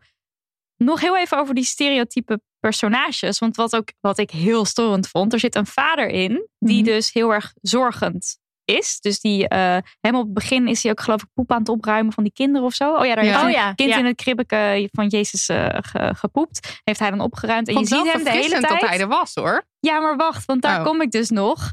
Dus hij is zeg maar eh, de vader die zorgt. Maar dan is hij dus meteen weer de typische seksloze vader. Dus hij kan niet Ja. hot zijn of Mhm. stoer zijn of cool zijn. Hij kan alleen maar zorgen. En dus gaat zijn vrouw vreemd. Ja. Dat Ja. vond ik zo typisch ook weer. Zo van, oké, dus je kan dus niet een vent zijn die die verantwoordelijkheid op zich neemt en zorgt. En tegelijkertijd een leuke relatie met seks hebben. En met wie ging ze vreemd? Ja, met de Met Black die zwarte Panther. gast. Ja. Oh ja, Ja. oh mijn god, ja, Alweer? Ja, ja, oh ja, mijn ja, god, klopt. viel me ook weer op. Ja. Als je dat ziet. En eh, een ander. Hij is verkleed als Black Panther, daarom Ja. zei je dat net. Ja, sorry, ik zei- voor ik zei- me- het is Halloween, geloof ik dan. eh. Ja. vaak- Ja, Maar weet hij is zelf ook Halloween zwart. ja. Ja, dat ook. Ja, ja, ja. ja. Maar met de Black Panther, dit is niet zomaar een bijnaam. Dit hier zo wordt ook naar hem verwezen. Ja. Eh, en waar ik me heel erg aan stoorde, dit zag ik de derde keer dat ik hem zag. Sorry, ik heb hem drie keer gekeken. Ehm, Hoe, hè? Ja. Ik zie ook beter kijken Ja. dan. Knap vind ik het. Ik, heb hem, ik heb hem één keer brak gekeken, zeg maar, voordat we nog besloten hadden dit te gaan bespreken. En ik kan dus blijkbaar heel goed dit soort films kijken Ja, ik zonder een enorme hekel aan te hebben. Ik weet ook, Zo maar irritante ook hele dingen, zeg maar, alle slap, slapstick-achtige shit was uit mijn hoofd gevallen. Want die hele grap over laxeermiddelen en weet ik wat. Ja, dat ik is heb dus- niet eens bewust Als je geregistreerd. film een niveau bereikt waarop dus afgeschoten vingers en poep de humor moeten brengen, Ja. dan gaat, er iets goed. mis. Ja. Maar eventjes, ehm, er zit dus ook op die bruiloft is er een Aziatische DJ Oh ja. die dan eh, nummers draait, ja. zeg maar, een soort van I want a sexy thing, echt seksnummers. En dan, vader-dochterdans. ja, maar ook gewoon omdat hij, het is zeg maar een soort van de, de, de typisch zullige Aziatische DJ die dan geen Engels kan en Ja, die dan zo heeft geen oh, idee. Ja, ja, ja. karaoke. eh, Het wordt, het is gewoon heel Ja. kut. En heel erg vanuit de witte, witte blik eh, gemaakt. En de slutty tante. Want ergens Oh ja. zou je nog kunnen denken van... oh, wel, kijk, ze is heel overdreven type. Dat vind ik dus sowieso heel vervelend aan die hele film... dat iedereen heel overdreven is. Alles is overdreven. Maar je zou nog kunnen denken van... oh, wel leuk dat een oudere vrouw wordt afgeschilderd... als iemand die ook nog gewoon seks wil hebben... en leuk wil hebben en one-night stands heeft. Maar nee, want op het eind geeft ze toe... dat ze eigenlijk een vaste relatie zou willen hebben. Dus zo vrijzinnig is ze helemaal niet. Ehm, eh, en dat ze dus altijd, geloof ik, mensen niet wilde toelaten of zo, waardoor dat niet gebeurde. En dus is zij zo geëindigd als, Ja. oh my god, zo wil je echt niet eindigen. De slutty tante die maar de hele tijd... ehm, Volgens mij zijn En er... ze eindigt dus ook wel weer in een relatie, wel met een jonge man. En dat vind ik dan wel weer leuk, dat Ja. die age difference een keer de andere kant een keer opgemaakt wordt. Er zijn twee personages die uitspreken dat eh, iemand eh, laten gaan de grootste fout van hun leven was. Oh ja, ook weer zoiets. Hè? Dat was ook zo raar. Wat ik ook echt, dat gaat ook over, daarover een uitspraak. eh, wat de moeder doet naar Sloan toe. Of eh, over Sloan meer. Ja. Eh, ze zegt op een gegeven moment: She needs someone during chemo. Oh, Ja. Because dit. bold women don't get dates. Toen dacht ik helemaal. En dat is ook nog een grap, wat ook nog later nog een keer terugkomt. Ja. Ja. En ik vond dat zo'n heftige Ja. Ja. uitspraak. Dat is toch gewoon geen grap? Maar ze zegt dus ook, en ze zegt ook iets over van, eh, volgens mij over die tante, van zij eind- gaat alleen eindigen in een rolstoel en dan gaat ze dood of zo. Ja, ja, ja. Eh, het is gewoon heel validistisch. Ja. Heel. Het is echt, eh, nou, ik, Echt ik schrok daar ook echt extreem. van hoor. Ja. En wat er dan ook nog werd gezegd, was dat, dat mensen die te knap zijn, dat je die automatisch niet kan vertrouwen. Dus dat je daar maar altijd beter onder je eigen niveau kan daten. Oh, ja. Dat ook, dat, ja, nee. En dat, die, en dat die blonde guy dan op een gegeven moment zegt: It's weird when girls say pussy. Ja, die heb ik omdat ook zij opgeschreven. dan pussy zegt. Ja, Want, eh, want vrouwen mogen niet, niet over, over hun hun eigen vulva praten. Oh. Nee, dat eh, kan echt niet. En er zit Alleen, nog... eh, maar- ja, en mannen dus wel, hè? Dat is dus ook nog. eh, ja, ja. de klassieker wakker worden volgende make-up. Heb ik ook nog opgeschreven. maar ze had niet haar BH aan tijdens de seks. Dat Oh, iets. Maar er lag wel een... en natuurlijk na de seks zo onder, een dekentje, zo onder een dekentje gaan liggen... dat je geen vulva, borstel of penis kunt zien. Dus het is wel weer zo precies Oh ja, dat zo dat je wel. denkt... zo lig ik nooit Maar na de was de seks. seksscène, Sowieso daar ben was ik niet een na de BH. seks. Ehm, maar dat is ook wat ik, wat ik er extra raar aan vond... is dat je eerst zie een scène waarin zij in bad zit... en hij dan haar rug aan het douchen is. Vind ik ook raar dat ik denk van... nou oké, nou, nou, misschien dat? dat? mensen dit doen, ik Ja. weet het niet. Maar je bent in bad geweest en toch lig je met die make-up in bed. Sowieso, dat vond ik ook opvallend vergeleken met Bridget Jones. De- bij Bridget Jones heb ik nog meer het idee dat ik naar zomaar mensen kijk. Een mens, Ja. gewoon Ja. überhaupt. En dat het hier wel heel erg het standaard ehm, schoonheidsideaal plaatje is wat je ziet van mensen. Ik vind dat zo apart voor een film uit 2020. Ja, Ja, toch? dat je Ja. denkt, hoe kan dit nog? Ja. En ehm, ik ergerde me ook heel erg aan dat zij zich dus de hele tijd volpropt met allemaal chocola en veel Ja. rookt en zo. En dat hij dan de hele tijd zo van zit. Nee, ik moet die troep niet, want eh Oh dit ja, moet maar ik wel dan eh, alcohol drinken. En dan ook echt ophemelen. Want gewoon het ook echt slap vinden als iemand niet drinkt. Of iemand, het- iemand een biertje niet wegkrijgt of zo. Eh, hoe kan je nou wel helemaal... want- Hoe kan je nou wel je helemaal zelf helemaal volgieten met alcohol... en dan iemand anders shamen omdat hij chocola eet? Ja. Oh, een van mijn aantekeningen is ook nog zo stom. dat heb ik opgeschreven. en dat grootste moment in de mall met klappende mensen, dat mot ik dus niet. Uitroepteken, uitroepteken, uitroepteken. Ja, ik vond het zo vervelend. Dat is standaard Echt ook. een vervelende film. En dan, we zijn denk ik aan, de af, aan het afronden toch van Oh, deze ik heb film. nog Want zoveel dingen, maar nee, laten we het niet doen. gewoon Maar kut. op het eind, dan heb je weer die aftekening met allemaal foto's of filmpjes, geloof ik. Van Mhm. al die stelletjes. Oftewel, iedereen is met iemand. Ja. Niks aan de hand, lieve schatten. Zelfs Het die probleem- moeder. Alle problemen zijn opgelost. Zelfs die moeder was met iemand. Die met die laatste guy. Nou ja, nou maar. Ja, iedereen, is met iemand. Ik weet, ik weet niet eens meer of die moeder wel of niet een relatie... Ik, het is allemaal uit mijn hoofd gevallen. Maar het viel me op dat in die laatste... In die, dan zie je iedereen Mhm. met elkaar. Toch nog goed gekomen. Ja. En, dat, en de grootste grap is dus eigenlijk... ehm, je legt een probleem bloot. Namelijk, zij loopt de hele tijd aan tegen familieleden... die maar pushen dat zij een vriend moet. En met deze film hou je dat allemaal in In stand. ja, zeker. Dat is nog een soort van het allerstomst eraan. Het mogen duidelijk zijn dat wij niet enthousiast zijn over deze film. En toch kijk hem keek Marilotte niet. hem drie keer. Ja, maar kijk hem niet. Ik heb hem drie keer gekeken zodat jij dat niet hoeft te doen. Lief van je. Oké, zullen we snel nog een laatste rondje dilemma's doen? Zullen we er gewoon nog één doen? Nee, drie. Oké, snel, even Oh, snel drie. oh, ja, niet één, drie. Ja, hm, hm, hm. Wacht, ik wil alleen maar mensen wacht. pleasen hoor. Jullie, jullie moeten vooral zelf kiezen wat jullie willen doen. Ah. Doe het al. Doe het voor jou. Oh, misschien eh, over de dieetcultuur. Ja, precies die heb ik nu ook hier voor me. Zal ik hem even voorlezen? Oh ja, die vond ik ook leuk. Terwijl ik me dit jaar heb losgemaakt van de dieetcultuur en vetshaming, zijn de andere vijf gezinsleden op dieet gegaan, inclusief mijn broertje van 14. Ze zijn allemaal trots dat ze zijn afgevallen en vinden het niet leuk dat ik daar geen complimentjes over geef. Het wordt ongetwijfeld een kerst van, oh, daar komen de kilo's weer. En niet te veel snoepen, denk aan je dieet. Hoe ga ik hiermee om zonder zelf onzeker te worden en constant ruzie te hebben? Verschrikkelijk. Wie heeft er ideeën? Hmm, ik, ja, ik zou het denk ik ook weer bespreekbaar maken. Dus al van tevoren zeggen van, ja, weet je, jullie zijn allemaal aan het diëten. Ik ben me daar nu heel erg van het losdrukken. Als jullie mij daarin kunnen respecteren, dan doe ik dat bij jullie ook. Ik denk dat als je al zo ergens ingaat, dan geef je al best wel een eh, goed stand. Ja, je neemt echt een standpunt in. En ik denk omdat diegene ook zegt van, ehm, om zonder, zonder zelf onzeker te worden, dat dat dan best wel belangrijk is. Want als je al vanaf het begin je grens aangeeft, dan is het voor mensen ja, gewoon duidelijk waar, hoe jij daarover denkt. Ja. Ehm, en, en dan zeg je het wel op een respectvolle manier. En dan heb je dus ook minder kans op ruzie, hopelijk. Ja. Het is zo heftig dat we allemaal zoveel emotional labor moeten doen voordat we de Een kerst, beetje de kerst door een beetje chill de kerst in kunnen. Klopt. Dat al deze stress eraan vooraf gaat en dat je dus allemaal gesprekken met mensen eerst moet hebben of Ja. dat je eerst moet nadenken over allemaal antwoorden. Hoe, hoe, waarom maken we onszelf zo naar? Nou, we maken het onszelf niet naar. Nee, ik bedoel andere als, mensen. Ik bedoel als, de- als wereld zijnde, Ja, zeg maar. ja. Waarom zitten we nou weer hier in dit soort... Door dit soort films. Nou ja, mede door dit soort zo, films. ja. Ja.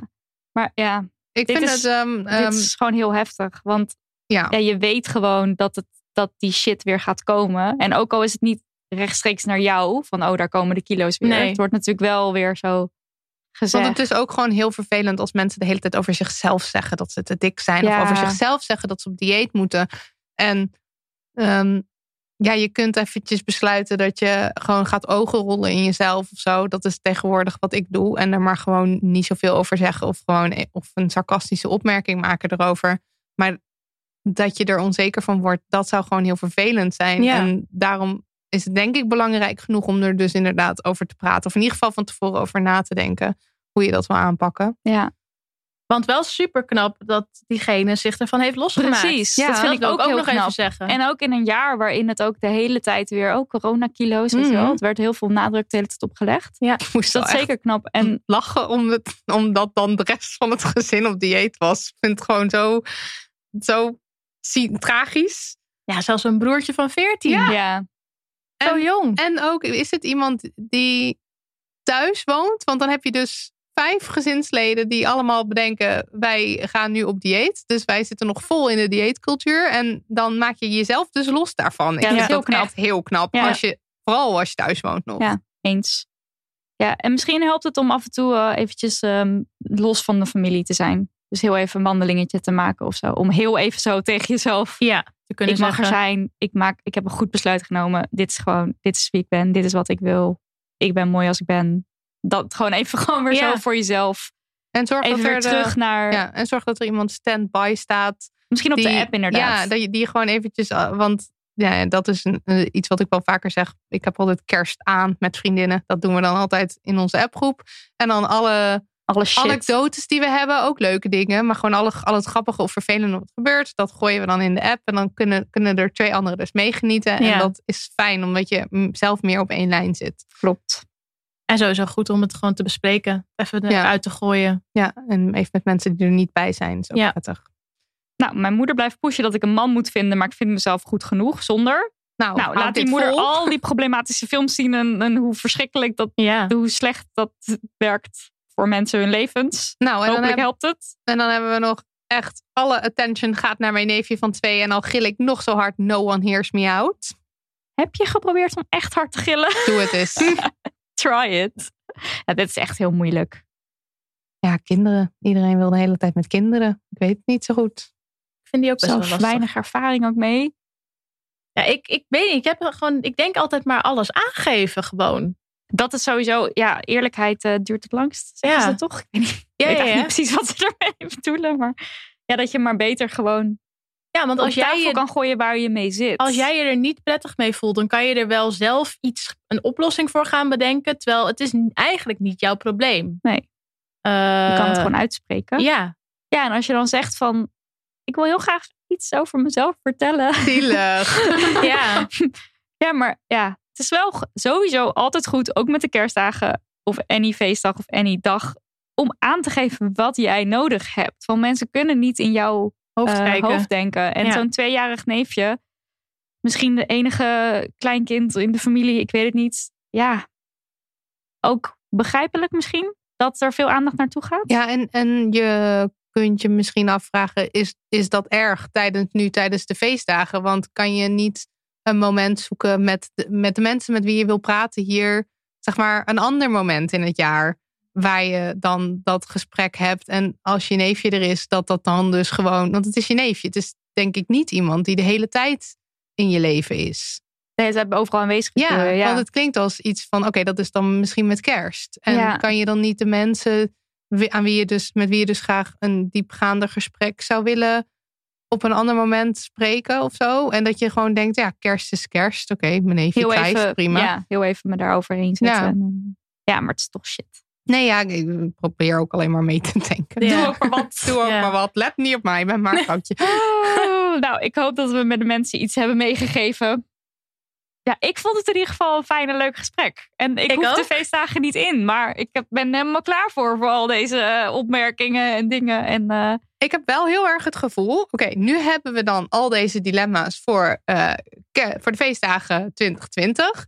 Maar ehm, misschien moeten we met z'n allen alvast in 2021 gewoon ver voor, voor de feestdagen nadenken over waar loop ik tegenaan met mijn familie?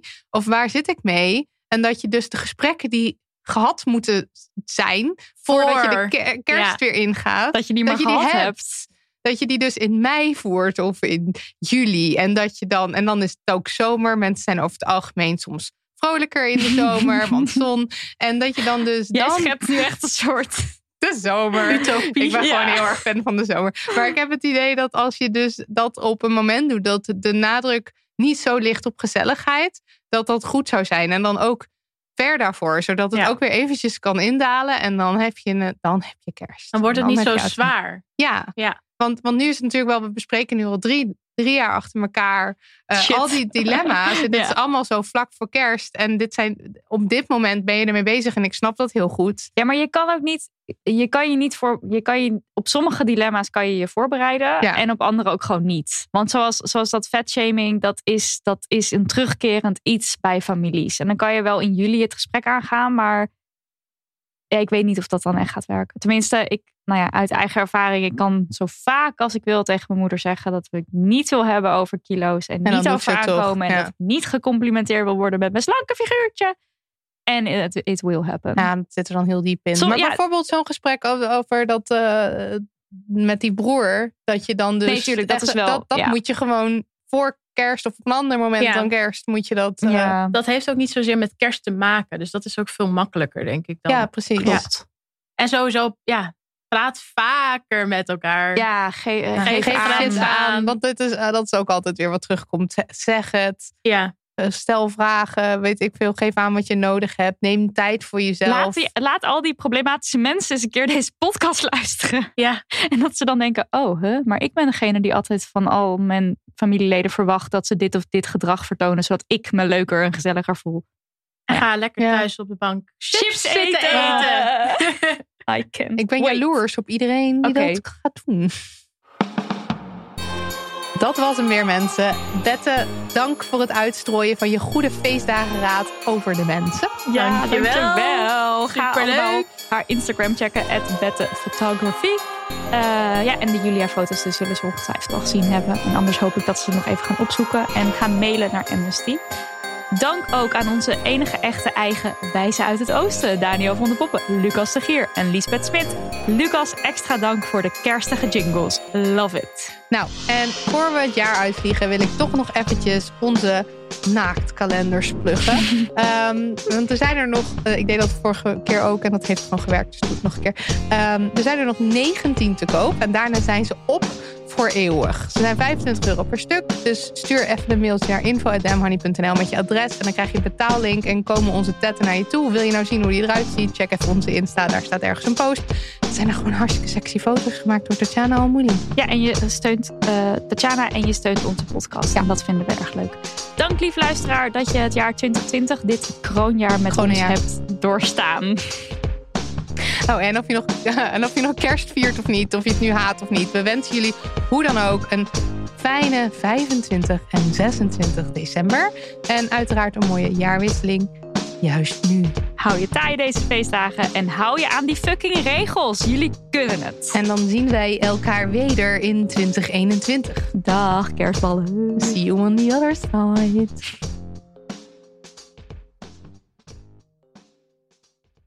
Nog even over die grootse en epische muziektheatervoorstelling. Het achtste leven voor Brilka is een marathonvoorstelling van 5 uur. Koop je tickets voor deze bijzondere theateravond via oostpol.nl.